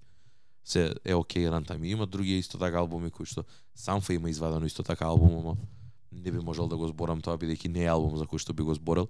А исто така осеќам кој што го кажав за вакво, кој што го кажав за Бернт, осеќам и Самфа дека исто така има изваден албум кој што го има направено за секој критик да може да го рејта многу високо дека е онака како све тоа што треба е у еден албум да има. Значи продукција и све тоа, ама на крајот на денот пак ја самфа го многу го асоцирам со со features и таму ми е најлегендарен, исто кој што Гивиан за секојаш ќе ми остане како човекот кој што го има тој ангелски глас на Чикаго фристайл. Да, има прекрасни песни, го пам го му ја слушам, ама ако ме прашаш нешто за Гивиан, ќе ти кажам Чикаго фристайл, нема да ти кажам Fields да ја слушаш од него или нешто такво, ме разбираш. Така да а, знам дека имаше ствари кои што не стигнавме да ги збориме, да не должиме, а или сакаш да навлеземе? Не, ќе Сакаш- збориме за два или три афро проекти следната недела. Може. секако ќе видиме третиот дали ќе стигнам да го поминам. А меѓу време дојдете у петок на Шајо во излет. На втората Шајо журка што организираме да чуете нешто малце поинакво ако сакате да навлезете у тој афро свет бар на 2-3 сати да видите како тоа звучи на подиум и на јак звук се разбира. Секој четврток сме у станица Spicy, пета журка за оваа сезона. We going hard. Тоа е тоа. А на пример за разлика од за разлика од претходната бидејќи ја не бев на првата шајо. А каква ќе биде пошто знам дека афро афроко овакво може да биде многу мислам тие се тие кои што се она а се хитови ги знаеме претежно хитовите кои што имаат трансцендентирано и во познатата музика ама Пред ќе видиме. предпоставувам дека ќе е исто така и поразлично него или претходниот пат у смисла дека има огромен пул музика од кај што можеш да се навле да, Да, се навлезе. Да, ќе биде различно, ама пак тие песни мора да поминат песните кои се познати на луѓето и песните кои луѓето ги асоцираат со Афро и кои сакаат да ги чујат на такво место бидејќи има луѓе кои долго време више слушаат таа музика без разлика дали се две години или се пет години ја слушаат таа музика по дома. Ова е друг момент бидејќи добиваш шанса таа музика да да ја доживееш на малце пинаков начин. Така. Да ја доживееш на подиум, на звук, со пијачка, Играш, дефинитивно. пријатели, со девојки, со другари, со другарки. Значи онака whining, grinding, Све тоа. раце горе, играње, пиење, зезање, смеење, као таа музика, да, има голем дел од таа музика е направена За за, тоа што е. да се слушат, не, голем дел е направена да се слуша дома, ама добар дел е направен и за да се игри, за да се консумира Дефинитивно. некое такво, во некое такво издание. И за тоа е интересно, и за тоа изглед интересно место бидејќи не е клуб, не е после 12, него е од 9 до 1, значи луѓето се Таман. попри све, си доаѓаш, се загреваш, си играш, си слушаш музика квалитетна. И на крајот на денот е петок и можеш да продолжиш кај сакаш да те одведе. Така, И значи многу е по суптилно, многу е по така по фино, по убаво, непретенциозно што е многу битно за нас во моментов и Дефинитивно. во оваа возраст во која што сме и со оглед на сите претенциозни срања што се дешаваат и кај нас и во светот и на музичката сцена и на диџејската сцена. Ова е нешто што е малце, што е доста по пјур и доста по онака. Така. Малце по лоу, али као што треба. За луѓето да дојдат да уживаат без преголеми очекувања, чисто да искусат како звучи како изгледа тоа. Тоа е тоа. Тоа е тоа. Energy ќе ја има? Мислам дека ќе има. Energy извадија нов албум, ќе има нешто и од таму. Ќе збориме за тоа следен пат. Веќе за- на зборам плюс ќе ми легнуше на недела, ќе давам уште боле коментари бидејќи Energy проектите, односно едниот проект кој имал излезено пред овој долго време ми беше во ротација и кога секој следен пат кога ќе го слушнам му наоѓам нови добри моменти, нови фаворити. И не само за самиот албум релиз кој се случи после три години, него и целиот ролаут и сите ствари што ги нап- не направија многу ствари, ама ги направија во нивен стил што уште поише ги опишува NSG како група и таа британска верзија на афрото која оние третираат. Тој афро свинг звук. Слушав некои ствари, мислам дека дури и за NSG до следна недела би ја би ја би преслушал онака чисто за да бидејќи го гледав тоа што ми прати. Беше многу интересно, ама ќе збориме следна збориме за пат, ќе ти го пратам и Буџу да го преслушаш, мислам дека ќе се свиѓа и Буџу бидејќи има тој по алте, по чил, чил вајб, иако обид за кросовер кон поп, што мене не ми се свиѓа, али ете, имам уште една недела да ми легне па Таман. да збориме малце поише за тоа. Меѓу време дојдете на Шајо, дојдете на Spicy, Say what's up дефинитивно. да, дефинитивно ќе пиеме пијачки и се слушаме пак наредна недела. Поздрав. Поздрав дечки. Чао. Чао.